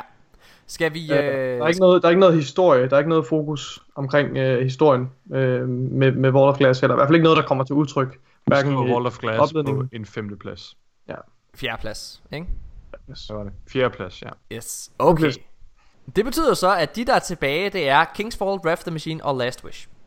Ja. Ja. Altså, Er det ikke nemmest at tage den op fra så nu? nej, lad os, altså... Det, det, Vi fortsætter i sammen. Men- vi, vi fortsætter bare på samme måde, ja. Jeg, jeg, jeg tror, det, det bliver et spørgsmål om Wrath of Machine eller King's Fall, tror jeg godt. Fordi vi har alle sammen, øh, vi har alle sammen Last Wish på vores første plads. Ja. Mm-hmm. Det øh, jeg, for mig at se, så er King's Fall, det er et majestætisk og storslået episk raid. Jeg elsker det, og hver gang jeg har den her liste, så sidder jeg i en indre kamp om, hvad, altså inden, inden Last Wish øh, kom, så havde jeg en indre kamp om, hvad der var bedst, King's Fall eller Wrath of the Machine. Og jeg tror, at jeg har accepteret, at jeg faktisk synes, at Wrath of the Machine er ja. en bedre oplevelse. Det er Ja. fordi, at det er fordi, jeg synes Si- Siege Engine er fucking awesome. Der er action, den har det der action-packed, øh, den der action-packed følelse på samme måde som Crotos End har. Bare hvor det fungerer mega fedt, og det er storslået, og du skifter location. Noget af det, jeg elsker allermest ved Wrath the Machine, det er, at du går fra Plaguelands til op på The Wall, hvor du er på Siege Engine, så kommer du ned i den her Siva lær, hvor, hvor ham her, altså du går rundt i, Rasputins bunker. i Rasputins bunker, ja. Altså du går rundt i landskabet, øh, og det gør du bare, at du er hele tiden inde i de her samme farvenuancer i, øh, i King's Fall. Det er så simpel en ting, som det, Ja. det går ned til. Ja, det er virkelig Ja, ja, men- uh, the men- scenery, ikke også, med Wrath of the Machine. Fuldstændig. Altså, hold kæft, hvor er det fantastisk. Det er rigtigt, men, men det der ødelægger mig, ødelægger det for mig ved Wrath of the Machine, det er virkelig skurken. Altså, og der, mm. der sidder Oryx virkelig bare på sin trone. Det, det er historien, der mangler, ikke også? Altså, Jo, King's historie, Fall, der, der, er der, ingen historie i Wrath der infiltrerer man jo fucking en hive dreadnought, og bare kæmper sig vej, hele vejen op til den her kolossale gud, som vi bare til Ja. sidst myrder. Altså Ja. for, øh, med, med, med Saturn i baggrunden. Altså, jeg ved ikke, det er bare det mest, Ja, det er øh, det er bare det mest syrede og ikoniske, storslåede. Det er virkelig det her med, at vi, vi skal op og dræbe en gud. Altså, Mhm. Jeg synes Og- og bare... synes jeg generelt, der var, der var virkelig mange hemmeligheder ved The Dreadnought også, der ligesom kom frem. ja. Det var- Ja, øhm, Det var der også i, øh, i Wrath the Machine, synes jeg. Altså, det, det- i ja, forhold... det var der. Men ja. ja, okay, hvis jeg må, hvis jeg må tale for det er historien, der afgør det for mig. For mig at se, så det der er med Wrath of, the Machine kontra Kingsfall, For jeg er ret enig i, at selvfølgelig, du kan ikke komme uden omkring, hvor episk og storslået det er at kæmpe mod Oryx. Det er nice. Jeg synes bare, at bossfighten er langt mere, øh, den er langt mere gennemført i min optik, end, end Oryx-kampen er. Jeg synes, den er vild. Altså, den, den, det her med, at du skal ned og have de her Scorch Cannons. Du skal hurtigt plukke, øh, hvad hedder det, en, øh, du skal plukke den her Servitor, så du har de her kugler, og du skal, hvad hedder det, holde øje med, hvem der er en power. Der er så mange ting, du hele tiden skal holde styr på i det, hvor jeg synes, at, altså, ja, du havde ligesom en, der ligesom altid skulle hoppe op i de der trone ting der, og det var så nemt, at der var en, der failede, fordi der var ikke, man ikke lige havde fået, fået en ogre. Jeg synes, det var, det var mere frustrerende, når man failede i Oryx-kampen, end det var i Raft the Machine. Synes du det? Ja, det synes jeg. Jeg synes godt nok, det var frustrerende i Wrath Machine, når man lige i sidste sekund bliver knocket væk af ham der, hvor han rejser sig op, og man ikke ja. når donkey i ryggen der. Ja. Det synes jeg var noget af det mest frustrerende. Men, men, men øh, du, har, du havde den også på din fjerde plads, Mika, så jeg snakker faktisk mere til Nikolaj, for det er ham, jeg kan omvende. Jeg har I, givet for, op på I forhold til mechanics, der var bossfighten federe med Wrath of Machine. Øh, synes jeg. Og du synes også- og- så mu- du synes- Musikken og... Jeg, jeg synes faktisk, bossfighten med Oryx var ret kedelig. Det her Ja. med at detonere de her bomber. Ja. Det, det var jeg aldrig sådan meget fan af, for Og at være helt helt- ærlig. og jeg og, helt- og det her med, at du kun skader ham indirekte med bomberne, synes jeg også var en, en mærkelig mekanik. Præcis. Og jeg synes det der er Og det der er Og, og det er igen det her med scenerien Altså det er derfor jeg siger For mit vedkommende så handler det om det Fordi jeg synes at selve bosskampen Det kan godt være at historien er der i, i, i King's Fall Men mm. bosskampen er der sgu ikke Det er altså det er Nej, lige præcis. Og jeg synes virkelig at det, når, hvis, hvis man skal give Axis øh, Som er skurken i Wrath the Machine Lidt credit Så har han et vildt fedt character design Altså han Ja. er jo Han er jo Spider Før Spider kom i Forsaken ikke Altså mm. fra Silvan, de der æderkoppeben der. Øhm, og så synes jeg altså bare det her med scenerien, det skiftende scenery. Jeg kan huske f- første gang, at man kom op på den her mur. Min Playstation kunne slet ikke følge med til det, fordi grafikken var så vild. Ja, Mm. Det er et det er gudesmukt raid. Så Nikolaj, kan jeg Men- omvende dig? Ja, Men Nikolaj, du må lige huske mig. på, hvad du, hvad, havde du det sjovere, når du spillede the Machine? Så du glemmer Jamen, det, alle argumenter. Det tror jeg også, jeg, det, det havde jeg, men, men det er fordi, jeg synes, og jeg synes King's Fall, de ligger meget tæt på hinanden. Ja. Men, men, men mechanic-wise, der er, er Wrath Machine bare sjovere, og det kommer igen tilbage til det her med, hvis det var et, raid, jeg skulle vælge mellem, altså hvis jeg skulle vælge mellem at spille Wrath Machine og King's Fall lige nu, så ville jeg vælge Wrath Machine. Præcis. Jeg synes King Thor, King's Fall er super episk på grund af historien og opbygningen til rated. Men hvis du skal kigge på selve rated i forhold til mechanics og så videre. Så listen lyder altså Spire of Stars på 8. pladsen 7. pladsen Crota's End Leviathan 6. pladsen Eater of Worlds 5. 5. pladsen Vault of Glass 4. pladsen King's Fall 3. pladsen Wrath of the Machine 2. pladsen og Last Wish 1. pladsen Skal vi øh, hvad er så lige hurtigt komme med nogle kommentarer til Last Wish? Hvorfor jeg, er jeg, det? Jeg, jeg fik jo lov til at sige lidt om det i, i starten af podcasten, så Ja. det vil Ja. ja. lige bolden videre til jer. For mig at se, så er det et, øh, en episk og storslået... Øh, altså, det, det er det mest fuldendte raid. Altså, hver enkelt boss encounter føles bare vildt tilfredsstillende og klare. Det er historien, omgivelserne, stemningen. Igen det her, det, det skiftende scenery, der hele tiden er der. Jeg har Voice hver over. Og voice overen, ja, lige præcis. Og hver gang, at jeg falder igennem op ved, øh, hvad hedder hun, øh, Riven, og oplever hvor stor og at hun er ikke også Altså det er Det tager røven på mig hver gang Hold kæft hvor er det sindssygt Det er så godt Ja, altså du siger det meget godt, det er et komplet raid. Jeg føler virkelig, det er, øh, det, det er alle andre raids. De har taget alt det gode derfra, og så har de skrumpet det hele ind. De har oplevelsen af, at du rejser i Wall of Glass. De har de sindssygt gode mechanics fra Wrath of the Machine. Og så har de en fantastisk skurk eller King's Fall. Ja. Jamen øh, med de ord Så synes jeg at vi holder en, øh, en kort pause Og jeg synes vi skal høre lidt musik fra Axis Fordi det var den vi snakkede allermest om øh, Nemlig Wrath of the Machine Så lad os få boss, count, øh, boss encounter musikken her Som jeg synes er vanvittig god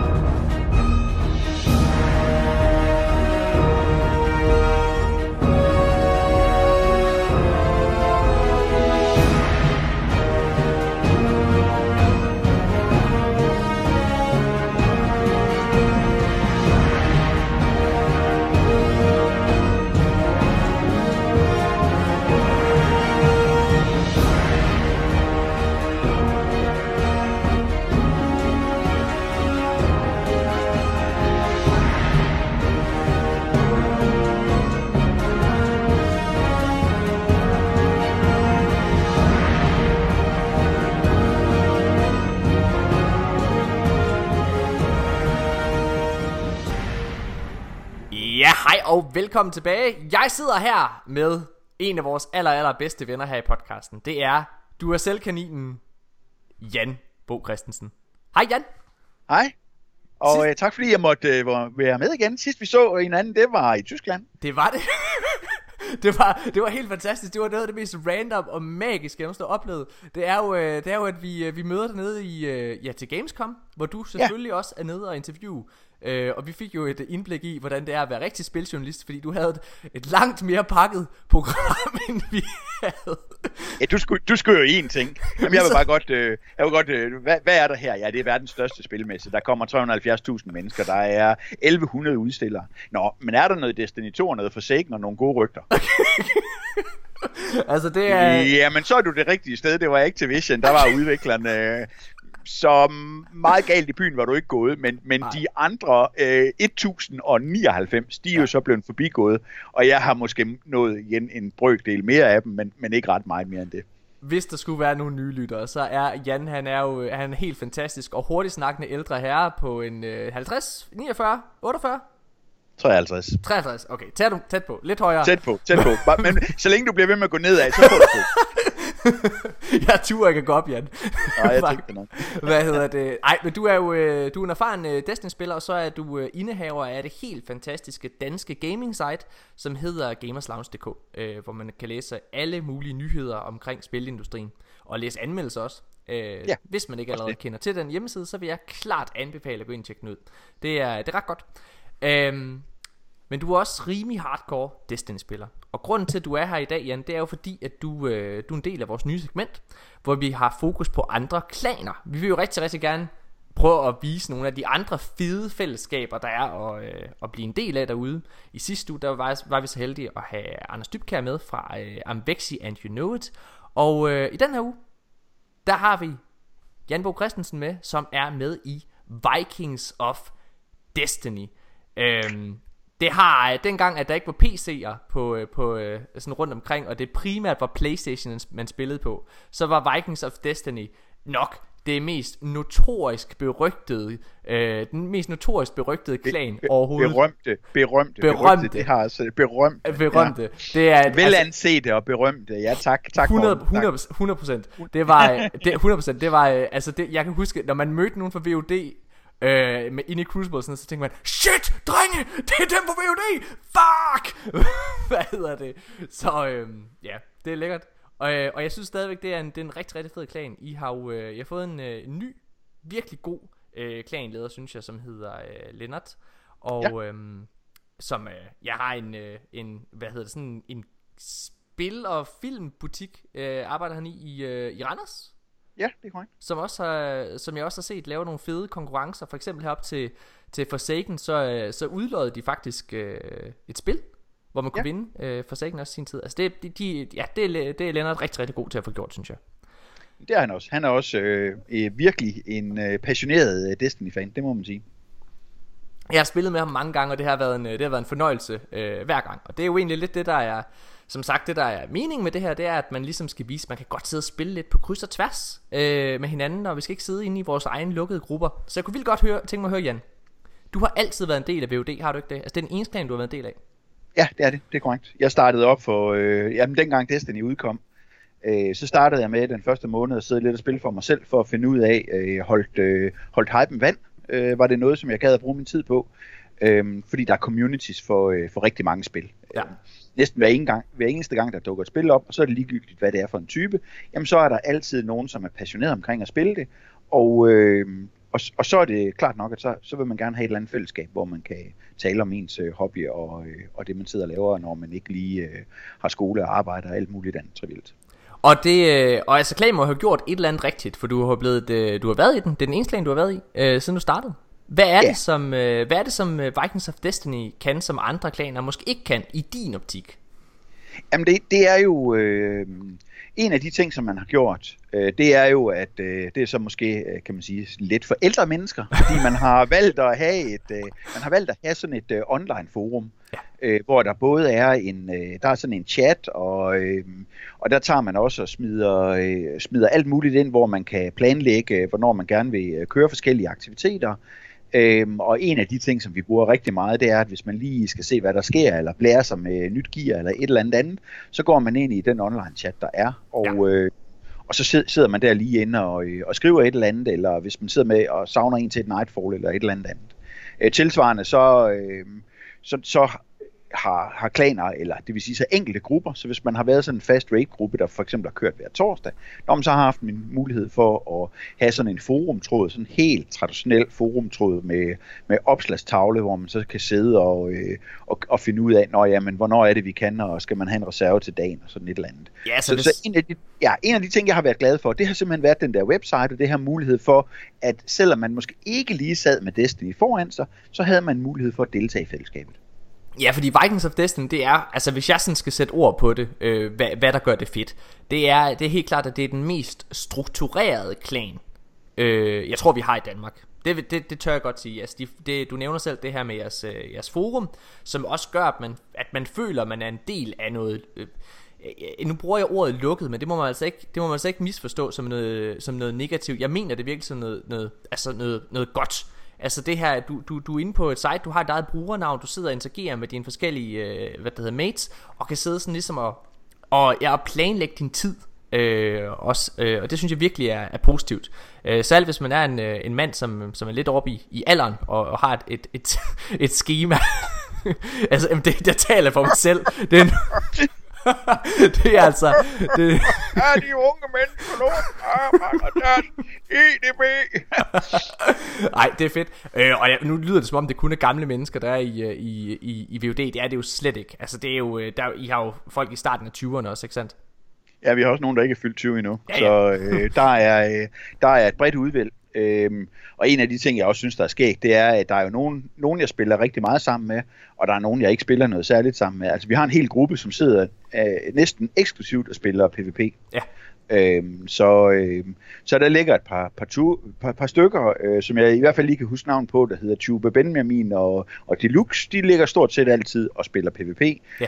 Øhm, og, spiller, og, og de spiller også gerne med, med alle mulige andre, fra alle mulige andre klaner og sådan noget, men, men mange af aktiviteterne, de gør jo, at, at det er bedst, hvis man lige kan blive en 3, 3 4, 5, 6 stykker, alt efter hvad det lige er for en type, man skal i gang med. Ja. Og, øh, og, og nogle gange, så, øh, så kan det være sådan lidt øh, besværligt med øh, Looking for Group, Ja. øh, hvor man får øh, to mand fra øh, et eller andet land, hvor de hverken har mikrofoner eller øh, en forståelse for øh, det basale koncept ja. I en shooter. Så, øh, så, så det at have et... Øh, have en, øh, en, en webside, som er dedikeret til Destiny, og, og det at spille Destiny, jamen det synes jeg for mig har været, været rigtig, rigtig godt.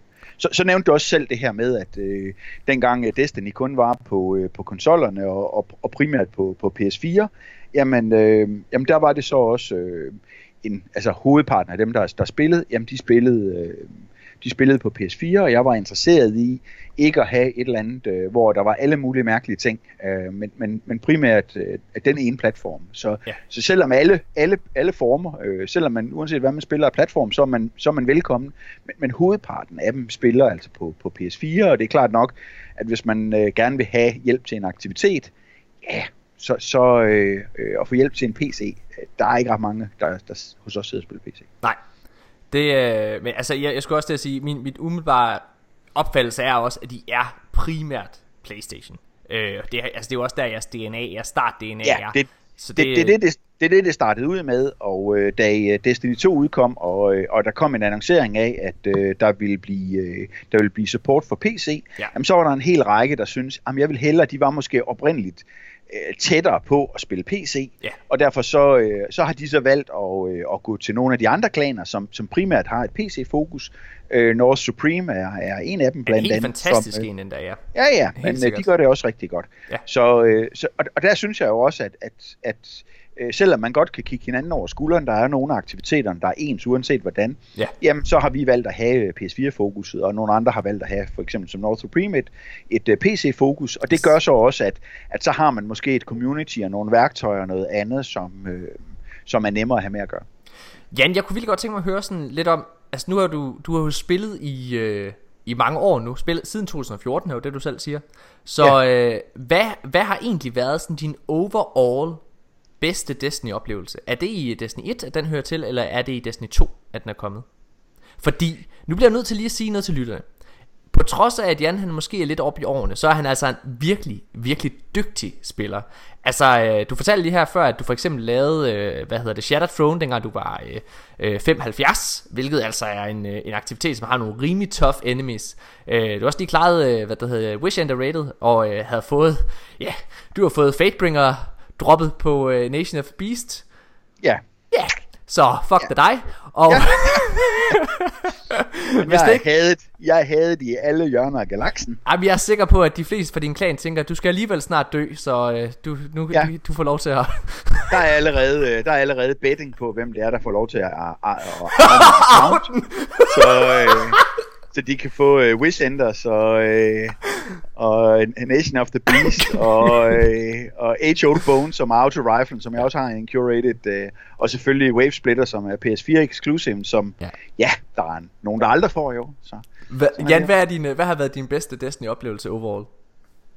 Jamen, jeg synes øh, stadigvæk, at øh, øh, givet den tid, jeg har siddet og spillet Destiny 1, så bliver det Destiny 1. Og det bliver nogle af de her, øh, det bliver noget af det her, de her raid encounters. Øh, og, og det at komme igennem nogle af dem her, der har været, øh, der har været rigtig, rigtig vanskelige, så synes jeg stadigvæk øh, Wrath of the Machine og øh, køre øh, challenge-bossen igennem. Øh, så, så, så sidste bossen øh, igennem Axis derinde på challenge mode øh, sidde der øh, fuldt hold klan og øh, få det der til at fungere i en højere enhed. Det kræver så meget kommunikation og også en god portion held. Øh, det er jo et Bungie-spil, ja. så øh, man bliver jo ramt af man bliver jo ramt af de mærkeligste ting, når det er man raider. Øhm, så, så, så det synes jeg for mig, øh, altså det var, øh, det var stort at tage noget af det, ikke bare komme igennem noget, som i forvejen er vanskeligt, men, men så at tage den på, på nogle af de challenge, altså den, den metode, hvor de har sagt, så okay, kan godt være, I synes, I er hardcore, men nu får I lige øh, ekstra grus i maskineriet, nu skal I gøre det på den her måde. Hvor, øh, hvor vil du rangere Last Wish rated? Nu, øh, nu sidder du og snakker om ratio. Øh, er, det, er, det, er den i top 3 for dig? Ja, det er den. Det er den. Den er ja. i top 3. Ja. Hvad, jeg, synes, kan... jeg synes, det er et rigtig godt, jeg synes, det er et rigtig godt rate. Ja, det, det, det, det, det, det synes jeg virkelig også, det er. Altså, jeg tror faktisk måske, at jeg synes, det er det bedste. Øh, altså, ja. en af de ja. bedste. Det, øh, ja. Ja, jeg, prøv, jeg synes, det er en af de bedste. Og nu, problemet er, at nu, øh, også igen i kraft af, at jeg nogle gange også kigger på retrospil, så kan ja. man sige, at, at hvis jeg, øh, de spil, jeg husker fra gammel tid, jeg har købt også alle de der mikrokonsoller, der kommer ud med alle de her retro, øh, Nintendo'en og øh, Atari og ting og sager, og, og nogle gange, når jeg griber fat i nogle af de der spil, som jeg husker som værende enestående, så bliver man så lidt, ja, det er måske ikke så godt i dag, Øh, og derfor så er det også nogle af de gamle raids, dem husker jeg måske som bedre end, end de var. Men øh, det, det hele udvikler sig hele tiden, så det er lidt svært, synes jeg.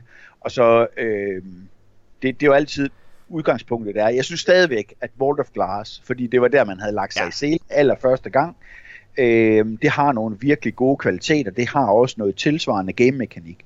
Og jeg synes så også, at med... Øh, med det raid, vi nu har fået i Forsaken, så synes jeg, at man er gået tilbage til den stil, der var i World of Glass, det er, at det, det skal være svært. Der skal være mechanics at forstå. Man, man skal kommunikere sammen. Jeg, jeg har faktisk et spørgsmål til dig, Jan, fordi nu sidder ja. du og snakker om, øh, om, om Wall of Glass, og altså, der går jo nogle rygter derude, vi, vi er selv øh, med til at sparke liv til dem. Der går jo rygter om, at de gamle raids og, øh, og det gamle D, øh, alt det gamle D1 vender tilbage, øh, og øh, lad os antage, at det sker. Ja. Nu er Vault of Glass, der er vildt mange Destiny-spillere derude nu, som ikke har prøvet det spil.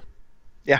Tror du egentlig, at det her total hyped raid vil kunne imponere nye spillere, når, det, når eller hvis det kommer tilbage? Jamen det tror jeg godt, det kan. Ja. Øhm, og, det, og det kan det ud fra en betragtning om, at øh, øh, i min optik, så, så spiller jeg jo det her, fordi jeg gerne vil, vil øh, jeg vil gerne gennemføre det. Ja. Øh, jeg vil gerne have oplevelsen af at gennemføre, øh, for ligesom at, at få, øh, få, få det der med at få set, hvad det er, man har tænkt. Ja. Og, øh, og, og det samme, det tror jeg, at hvis der kommer, hvis de, de gamle raid kommer, øh, og bliver en del af, øh, af det to og forsaken, eller hvad man har tænkt sig at kalde det, så tror jeg stadigvæk, der er en hel række mennesker, der vil synes, det er super spændende at gå ind og have mulighed for at spille øh, et nyt raid hver aften. Ja. Så, så det vil sige, at tirsdag, der spiller vi, øh, der spiller vi Vault of Glass. Øh, onsdag, der spiller vi, øh, der spiller vi Kings øh, ja. forhold. Der, altså, det, det tror jeg stadigvæk, fordi det er forskellige mekanik. Øh, og, og hvis man gider at sidde og spille Raid, og hvis man gider at sidde og spille uh, Shatter, uh, Shattered Throne, uh, og spille den encounter igennem, som er et, i reelt et tremands raid, som ja. jeg synes er helt fantastisk godt lavet også.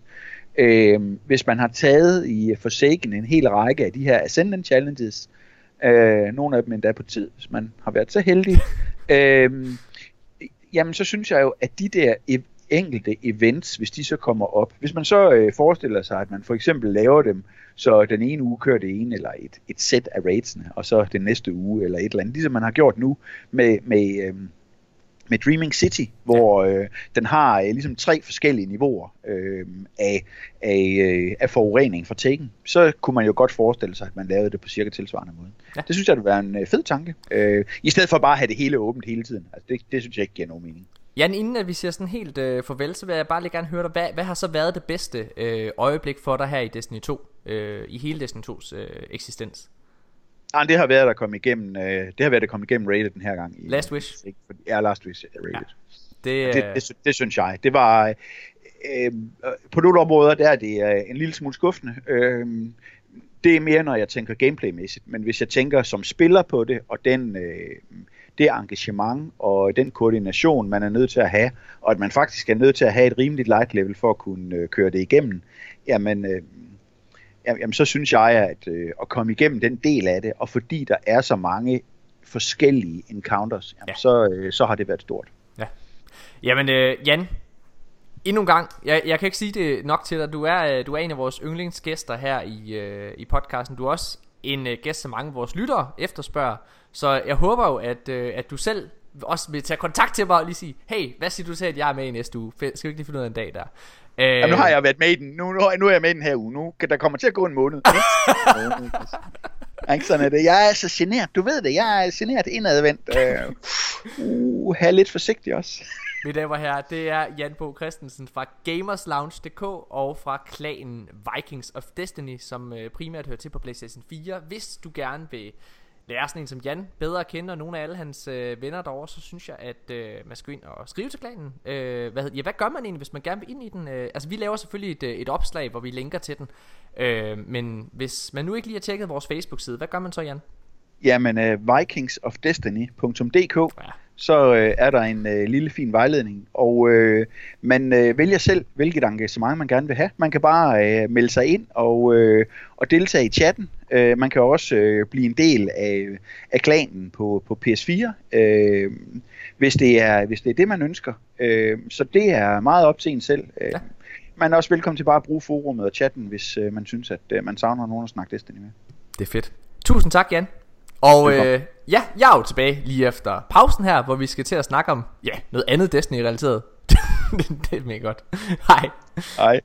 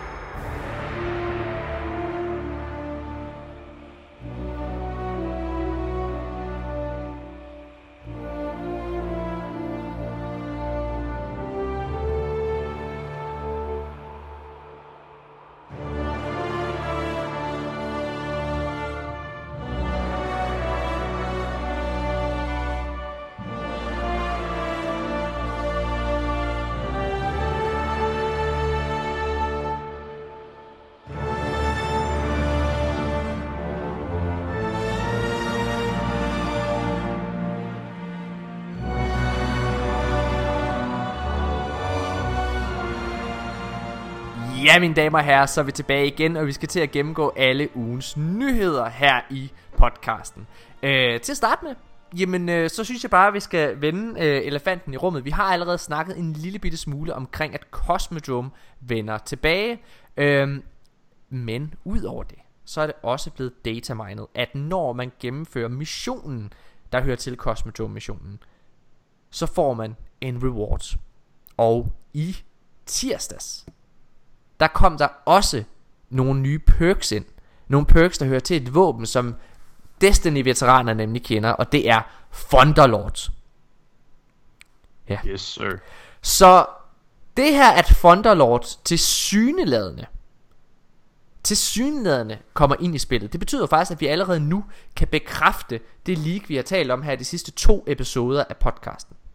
Og det er jo rigtig, rigtig spændende. Altså jeg har jo hele tiden sagt, at ham der Reddit-fyren der, som der er mange forskellige content creators, der har rapporteret på det her, raid øh, på det her leak her, øh, omkring Black Armory. Og, øh, men de har jo taget det for gode varer, og det har jeg hele tiden sagt, jamen, det er lidt farligt. Jeg synes, at der mangler et eller andet form for bevis på, at han rent faktisk ved, hvad han snakker om. Og det synes jeg jo, at vi har fået nu her, i min optik, mm. med Thunderlord. Ja. For det var noget, han sagde specifikt i hans leak. Mm. Øh, jeg har lyst til at prøve at læse, læse det højt, for nu kan vi jo forholde os lidt mere til det. Er I klar? Ja. Okay. Ja. Black Armory centers around Gaunt, a mysterious exo that maintains the Black Armory. Story is focused on finding out what uh, what the armory actually is and uncovering Gaunt's secrets. Campaign revolves around uh, unlocking the Black Armory and its secrets on Earth. Vex are involved uh, in the sto- storyline somehow. Uh, Heavy Machine Gun re- uh, is returning along with Thunderlord, Icebreaker and Last Words. Så Last Word vender tilbage, det glæder vi os rigtig meget til. New Forge of the Chain Activity. It will be set on the New Earth Patrol Area and features Cabal and Vex enemies. Similar t- uh, to Escalation Protocol and Blind Well, and has a unique loot pool attached to it. Um, og så siger de her, there's a new black weapon type, but I do, um, også, ja, there's a new black weapon type, det vil sige, i stedet, ligesom Exotics, de er gule, Legendaries er blå, så kommer vi altså til at have nogle sorte våben. Det er jo faktisk lidt et uh, throwback, hvis man kan huske det. Ja. I den der video, Scott og Steve de lavede, hvor de blev spurgt, hvis der skulle komme en ny øh, våben grade, eller hvad man skal kalde det, Ja. hvad farve ville så lave den? Og så, der sagde de sort. Ja, præcis. Øhm, ja, og så øh, her står også, you'll pursuing quest to unlock powerful exotics from the Black Armory, one by one. Øh, så det lyder også til, at det er noget vedvarende. Altså, der hele tiden er en grund til at komme tilbage øh, mm-hmm. for at unlock de her ting. Og til Jeg tror, det bliver sådan noget ugentligt. Ja, det ligesom tror jeg, det tror Escalation jeg. Protocol. Sådan, Det øh, tror jeg. Ja. Ja, ja altså, fordi Escalation Protocol, øh, der står jo heroppe med, i, i forbindelse med det der øh, Forge of the Chain, at det har en unik loot pool, så der tror jeg, at det Ja, bliver ja, ja. sådan det. Men til allersidst, så står der jo så her, at you'll be going back to EDC to tackle the new raid layer. It centers around the hive and has, have some kind of powerful threat underneath. Spændende. Bam, bam, bam. Så øh, raid ja. Ja. på EDC, og der er faktisk en anden ting, fordi det, det her det er faktisk ikke det fulde leak. Der kom et opdateret leak, men det er blevet slettet. Jeg nåede at læse det, og det gjorde Nikolaj også. Jeg nåede Og det øh, ikke. nej, Mika gjorde ikke, men der står der nemlig også, at der faktisk kommer en ny faction, og det er nemlig Seven Seraphs. Ja, Det er jo også på tide, det kommer. hvad siger du, øh, hvad siger du Nikolaj? Du er muted, Nikolaj. Du er muted. Vi kan ikke høre, hvad du siger. Vi spekulerede en del omkring Seven Seraphs jo, øh, ja. omkring Warmind.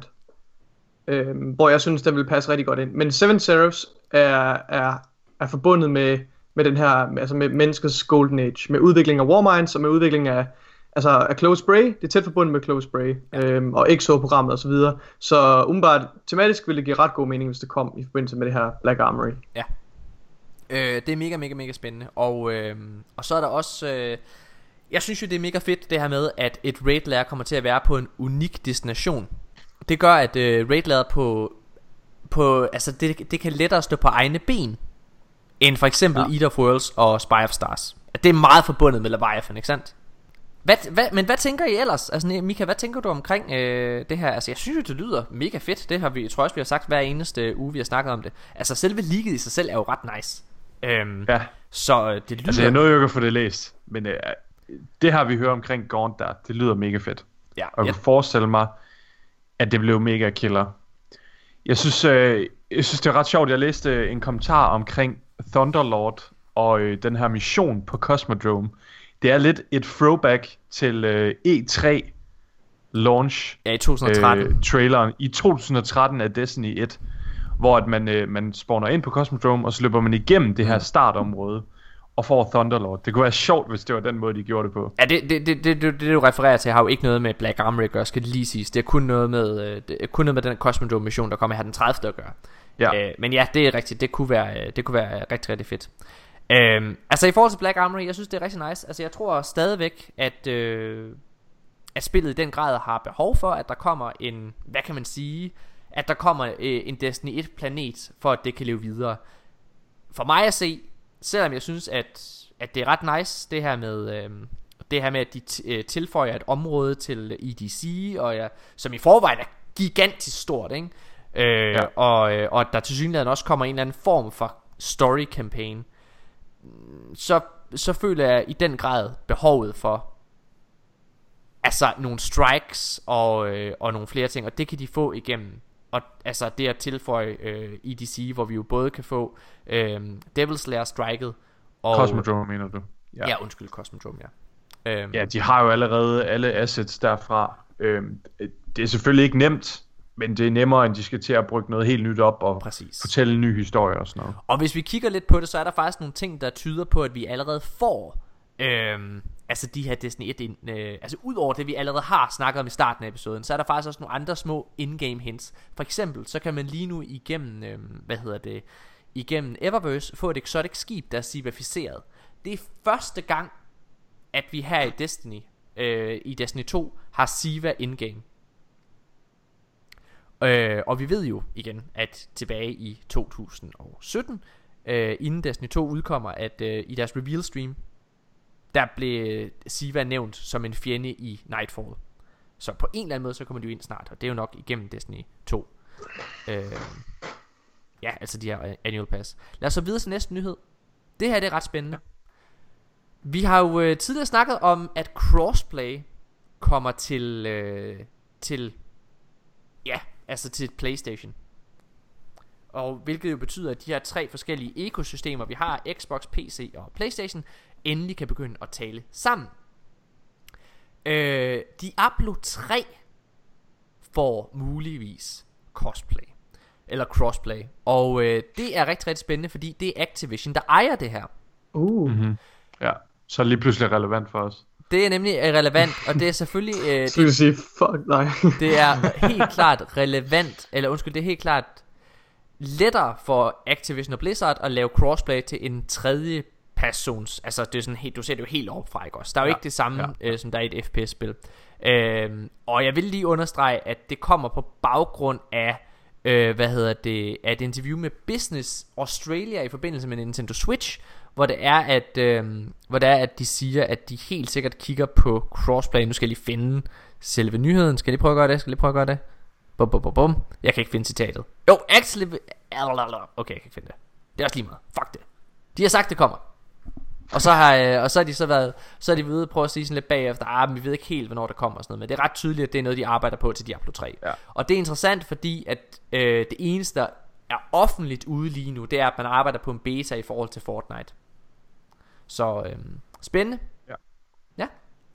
Øh, Så øh, er, blev det i sidste This Week at Bungie Twarpen der Så blev det afsløret, at DLC'erne Curse of Osiris og Warmind bliver gjort gratis tilgængelige til øh, alle, der køber Forsaken. Det er fucking stort. Det er virkelig nice. Det er, jeg synes også, det var virkelig forvirrende før, med hvordan man sådan, altså, så skulle du have det der, og det der, og det der. Det er nice. Det er God det stil, er ret fedt. Bungie. Det synes jeg. Øhm, og så vil jeg, så tager jeg altid en lidt sjov ting med, fordi at Destiny 2 er jo virkelig været, altså har jo virkelig været den grimme ælling. Øh, dengang Destiny 2 launchede, så synes folk det var mega mega nice. Så voksede det op, og så blev det grimt. Og folk havde det, brugte hele sidste år på, at ej, det, Destiny 2 er lort og alle mulige ting. Men så sker der det, at Forsaken udkommer. Og der er virkelig mange, der er begyndt at sige, at Destiny er et af de bedste spil på markedet.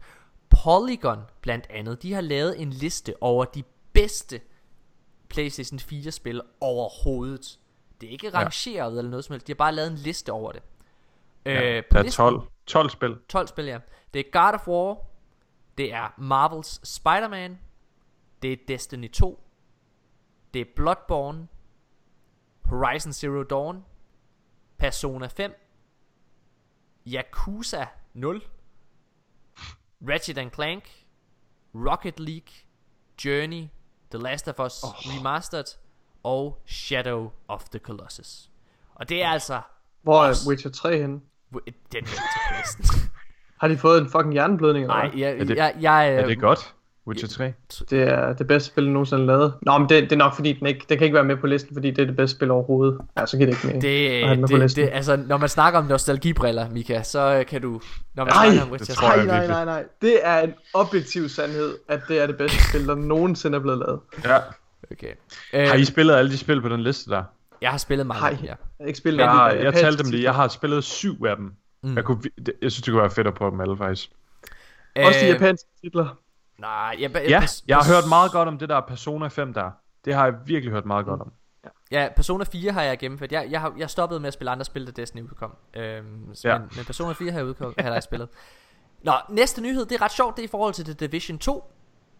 De øh, kigger på, hvad der fungerer. Og øh, noget, de har haft meget problemer med, det er sådan deres, øh, at gøre deres øh, våben fede. Altså og unikke. Og nu har de faktisk direkte kopieret Destiny 2's exotic system. Ja, Så øh, er, der, er nogen af jer, der vil tage den lidt og snakke lidt om det? Nej, altså, hvad, hvad kan man sige andet end at tage fra de bedste, hvis noget fungerer ikke, altså. Det, altså, det er, jo, prøv at, det er jo fint nok. Så jeg, jeg tror, at The Division 2 bliver et rigtig fint spil. Det vil jeg gerne understrege. Kommenterede vi Øh, på det i sidste episode? nej, vi har ikke kigget på det sidste uge. Øh, vi snakkede om det i streamen. Det er det, vi gjorde, ja. Ja. Ja, vi snakker om det i stream. Øhm, vil, du, øh, at sige få lidt den om det, vil du sige lidt om det, Nikolaj?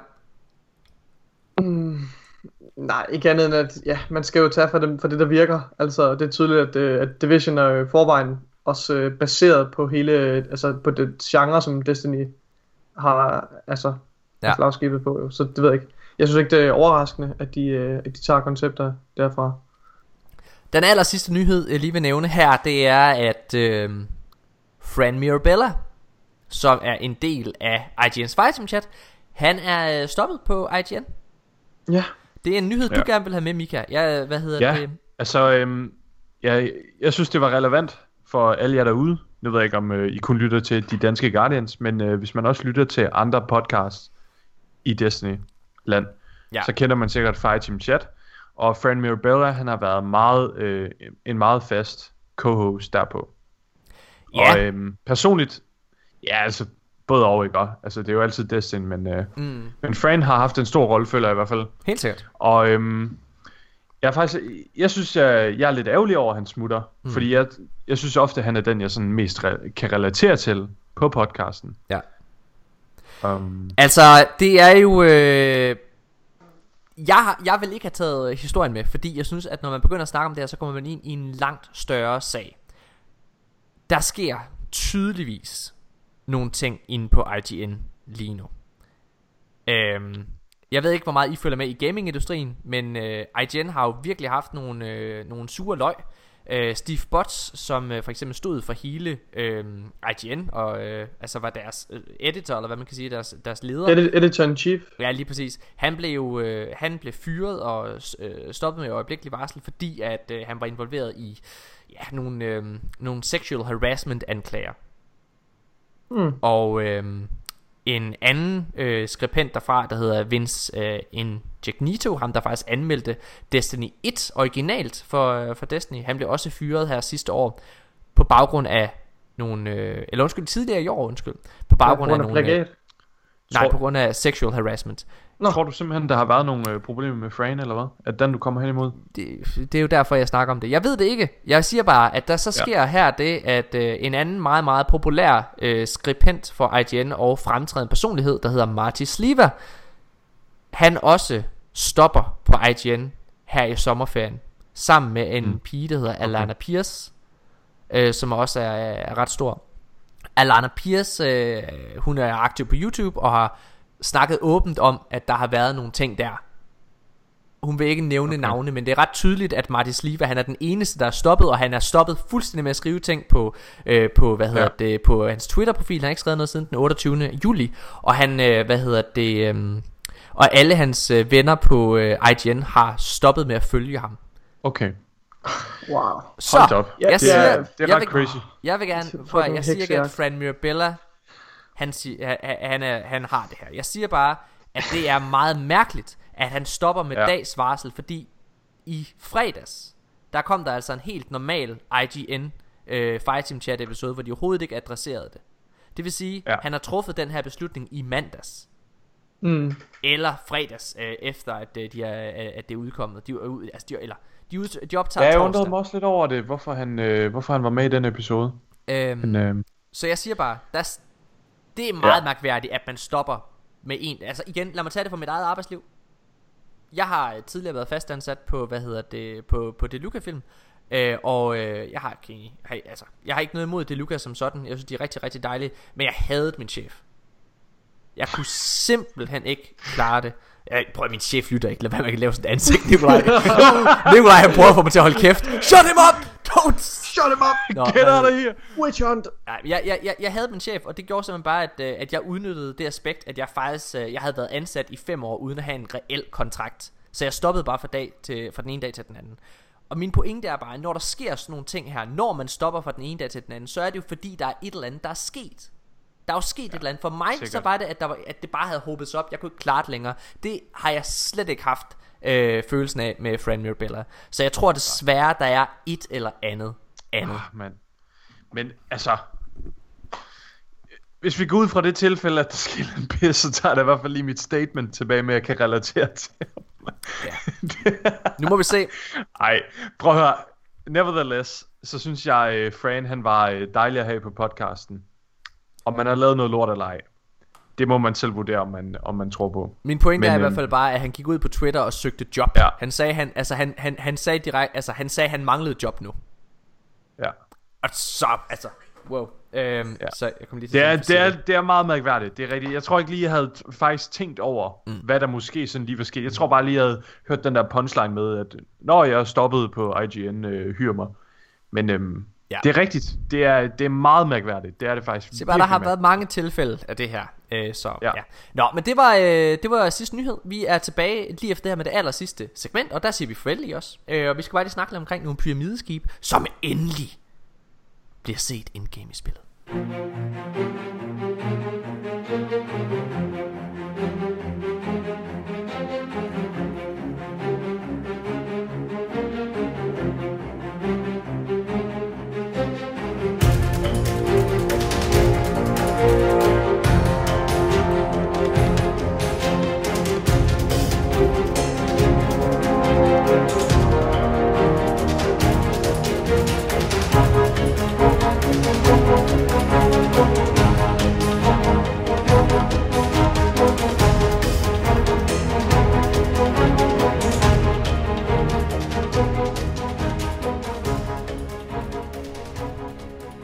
Ja, mine damer og herrer, så er vi tilbage igen. Og vi skal bare snakke lidt omkring pyramideskibene, fordi der sker jo det, at efter man har klaret Blindwell, og efter du har klaret dit, øh, din offering, så kommer du ind til Mara Soft i den her uge. Men alting er ikke, som det plejer at være. Nej, fordi Mara Soft, hun sidder ikke i øh, den samme øh, trone, som hun gjorde sidst. Hun står og kigger ud over, øh, ud over horisonten.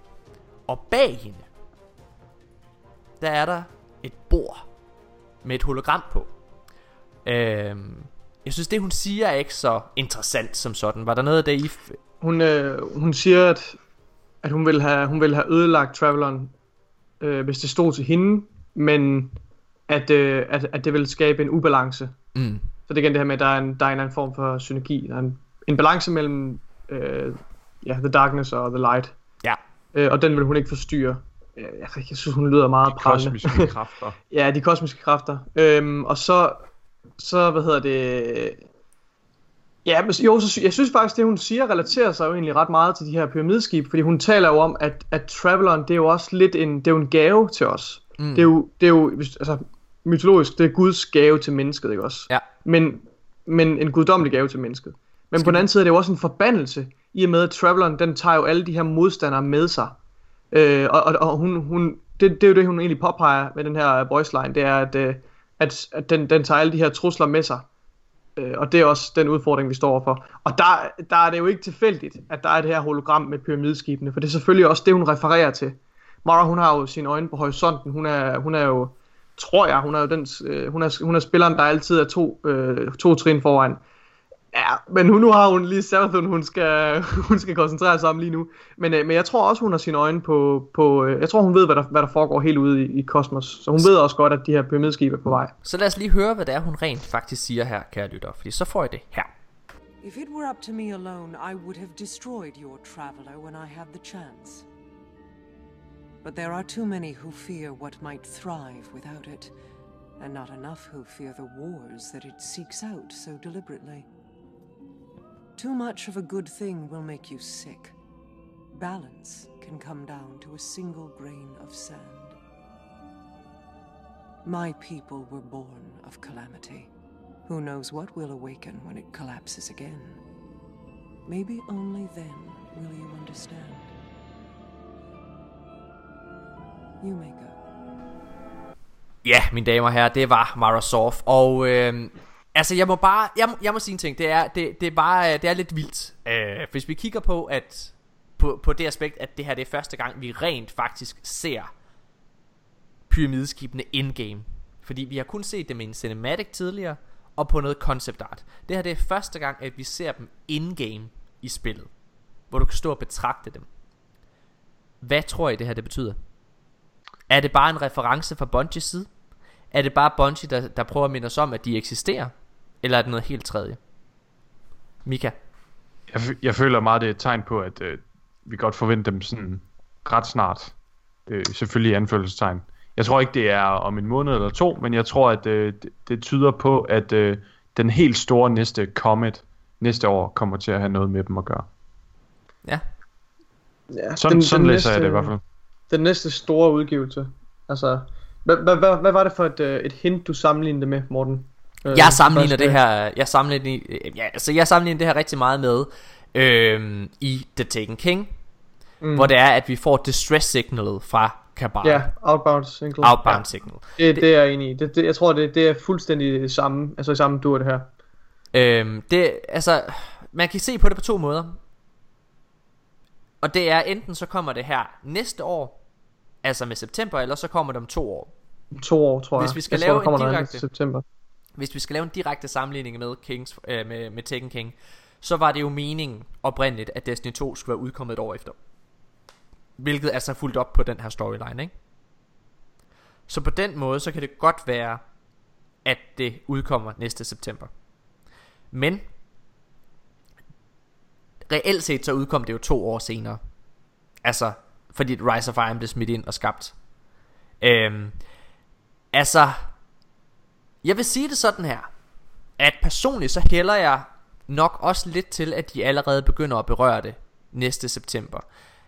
Jeg tror Altså For mig at se så er det bare De er tydeligt ved at, hvad hedder det, at samle alle tråde. Min teori går stadigvæk på at Ja, Sabafun At lige Sabafun hun bliver klaret Her til øh, Penumbra DLC'en Det tror jeg hun gør. Øh, Jeg er ikke sikker på at at Sabafun hun kører videre i næste øh, altså næste år. Det ved jeg heller ikke om jeg har lyst til. Har I lyst til at Sabafun igen skal være omdrejningspunktet øh, i næste Nej. september? Vil, vil I gerne have at Sabafun hun har sin egen store DLC? Eller expansion? Det er virkelig svært at svare på. Ja.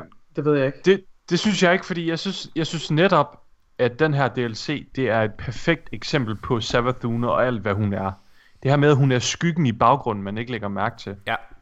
Jeg, jeg synes ikke, det ville være fedt at have hende som, altså markedet som den her store øh, bad boss, vi skal dræbe nu, og så kommer vi efter hende. Det, det ville være et forkert billede på Savathun, og forkert repræ- repræsenteret, synes jeg. Ved, jeg ved faktisk ikke rigtig, hvor jeg står. På en måde håber jeg lidt, at vi kan afrunde historien med en af de her raid lairs, der kommer øh, til, altså som hører til Last Wish. At, vi, Ja. ja. at det er der, vi besejrer Savathun. Øh, på den Ja. anden side kan jeg måske også godt forestille mig, at hun godt kunne bære at være sådan en, som du siger, Mika, sådan en, ja, skyggen, der altid lurer i baggrunden, eller hvad man skal sige. Noget der er lidt spændende Det er jo at vi har jo hele tiden troet At den her historie med Sabafun Har været øh, Ja betinget af The Dreaming City Men det bliver den jo ikke Fordi vi ved faktisk At det næste Raid Lair udkommer På EDC nu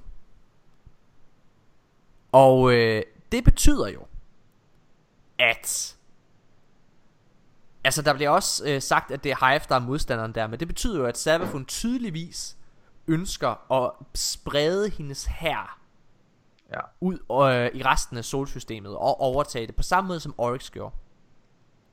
Hvad, øh, hvad tænker du om det, Nikolaj? Ja, det er lidt svært at tyde, hvad hendes plan er.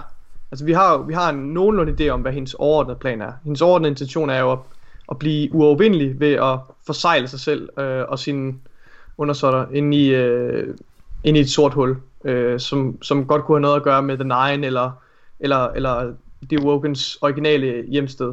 Øh, så jeg ved ikke helt, hvor, hvor det passer ind i planen. Altså som, som udgangspunkt, så vil jeg ikke mene, hun, hun burde være interesseret i at, at besætte andre øh, lokationer i solsystemet. Altså hele kampen burde være øh, i Dreaming City, som den er nu. Altså hvor hun har Dulan Caro til at lede efter, efter hemmeligheden, øh, så lede efter nøglen, eller porten, eller hvad, om, hvad du ved, øh, til, til, det her, øh, til det her sorte hul, til, til The Wogans hjemland. Så ja, jeg, jeg synes ikke rigtig, det vil give mening, øh, hvis Sarathun nu begyndte at besætte øh, andre locations rundt omkring i solsystemet. Med Øh, mindre, at det, Det vil være en, en øh, distraktion måske. med, Ja, lige præcis. Med mindre, at hun bruger Sivu Araf for eksempel, til at øh, tage fokus et andet sted. Det kan godt være. Hmm. Jeg tror, øh, jeg tror, hvis jeg var en eller anden snu-leder, så ville jeg heller ikke putte alle mine æg i en kurv. Nej, det er rigtigt. Ja, meget Mm. simpelt. Det er rigtigt. Øh, det er meget spændende i hvert fald. Øh, hvornår, hvornår tænker I det her med, øh, med de her pyramideskib, de udkommer? Hvornår tror I det, at, at, at de kommer? For mig at se, så vi er ret sikre på, at næste år, det kommer til at foregå på Enceladus, den her ismåne til, mm. øh, til Saturn. Og, øh, og vi er ret sikre på, at Clovis Spray, altså, øh, hvad hedder de der? Er, er det næste omdrejningspunkt? Er, ja, er, ja. Er, er næste omdrejningspunkt. Ja. Og, jeg, jeg tror, vi har rundet historien af i solsystemet, før vi bevæger os videre til, til pyramideskibene. Så du tror, ja, min pointe var faktisk, min pointe var faktisk, at jeg ikke er helt sikker på, at det er en stor nok historie til at stå alene. Det ved vi ikke rigtigt nu, gør vi det? det Nej, men jeg mangler altså, altså igen, mm. jeg mangler en stor modstander. Altså her kunne vi godt... Det havde vi jo heller ikke uh, til Warmind. Nej, men Warmind og en stor øh, expansion som Taken King og Forsaken mangler mm, en stor ja. modstander. Ja. Øh, det ved jeg sgu ikke lige. Jeg tror, det de kan gøre, det er, at der, er, at der kommer meget på spil, fordi Kate måske vender tilbage som Kate 7, ikke? Det er jo det, de kan gøre. Ja. Mm. Jeg tror, de kommer næste år, pyramideskibene. Det vil også give os lidt tid til at lege med dem. Hvis vi har forstået dem korrekt, så er pyramideskibene vel en eller anden inkarnation af mørket. Er vi ikke enige i det?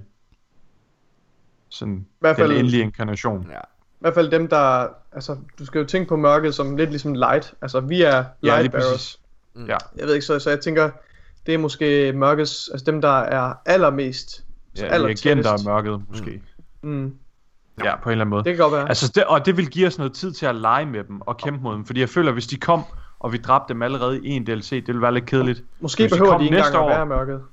Hvis de kom næste år, så vil det give os et år til at, øh, at kæmpe mod dem løbsk, og så, øh, og så slutte dem af måske året så, efter. Er, er det vi rent faktisk ved om dem indtil videre, altså så, så det eneste vi ved rent, altså det eneste vi kan, vi kan sige om dem rent æstetisk, det er at de er meget teknologiske. Altså de, de flyver rundt i, ja. i, i tetraidiske skibe, og, og altså det klip vi ser af dem ude i verdensrummet, der er der ikke noget mørk energi, der emmer fra dem, eller noget som mm. helst. Altså, det, det er bare en, en meget altså, hyper avanceret teknologisk ras.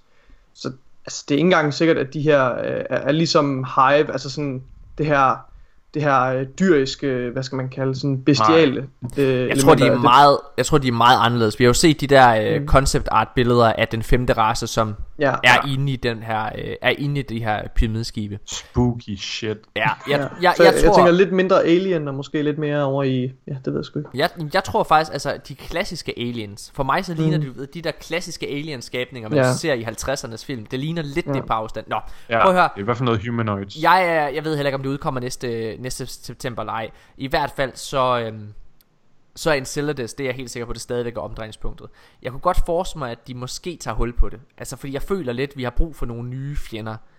Altså, ligesom Scorn også var en helt ny fjende. Det gav virkelig noget ny energi. Mm. Men jeg har behov for, at de snart går helt væk fra Fallen, Hive, Cabal. Det er også. Ja. Og de skal overgå for sækken jo. Så. Ja. Øh, og så er det jo formentlig, altså med 99% sikkerhed, er det Luke Smith og Mark Noseworthy, der står for næste års expansion. Det er ret spændende. Oh. Ja, fordi det er... Luke, øh, kom tilbage, Luke. Luke. Det er dejligt. Men damer og herrer, det har været episode 106 af De Danske Guardians. Jeg håber, I har nyt vores diskussioner og spekulationer. Øhm, vi skal høre en ny sang. Der er kommet her i uh, en ny Destiny parodisang som er en uh, parodisang af Smells Like a Teen Spirit af Nirvana. Den er altså Smells Like Teen Spirit. What? Den er uh, ja, den er den er ret fed. Det, ja. Den er lavet af Smells af, like uh. Den er lavet af lidt Det bare klam lige pludselig. Den er lavet af de samme uh, dudes der lavede den der um, hvad hedder det Go Flawless uh, Let it go, oh. let it go og I'm a Titan and an asshole. Um, og den er faktisk uh, Den er faktisk ret god. Nå, nice. vi er tilbage igen i næste uge, og husk at på onsdag, der har vi Gyser Stream. Formentlig. For, formentlig på onsdag. Vi annoncerer på Facebook. Gyser Stream.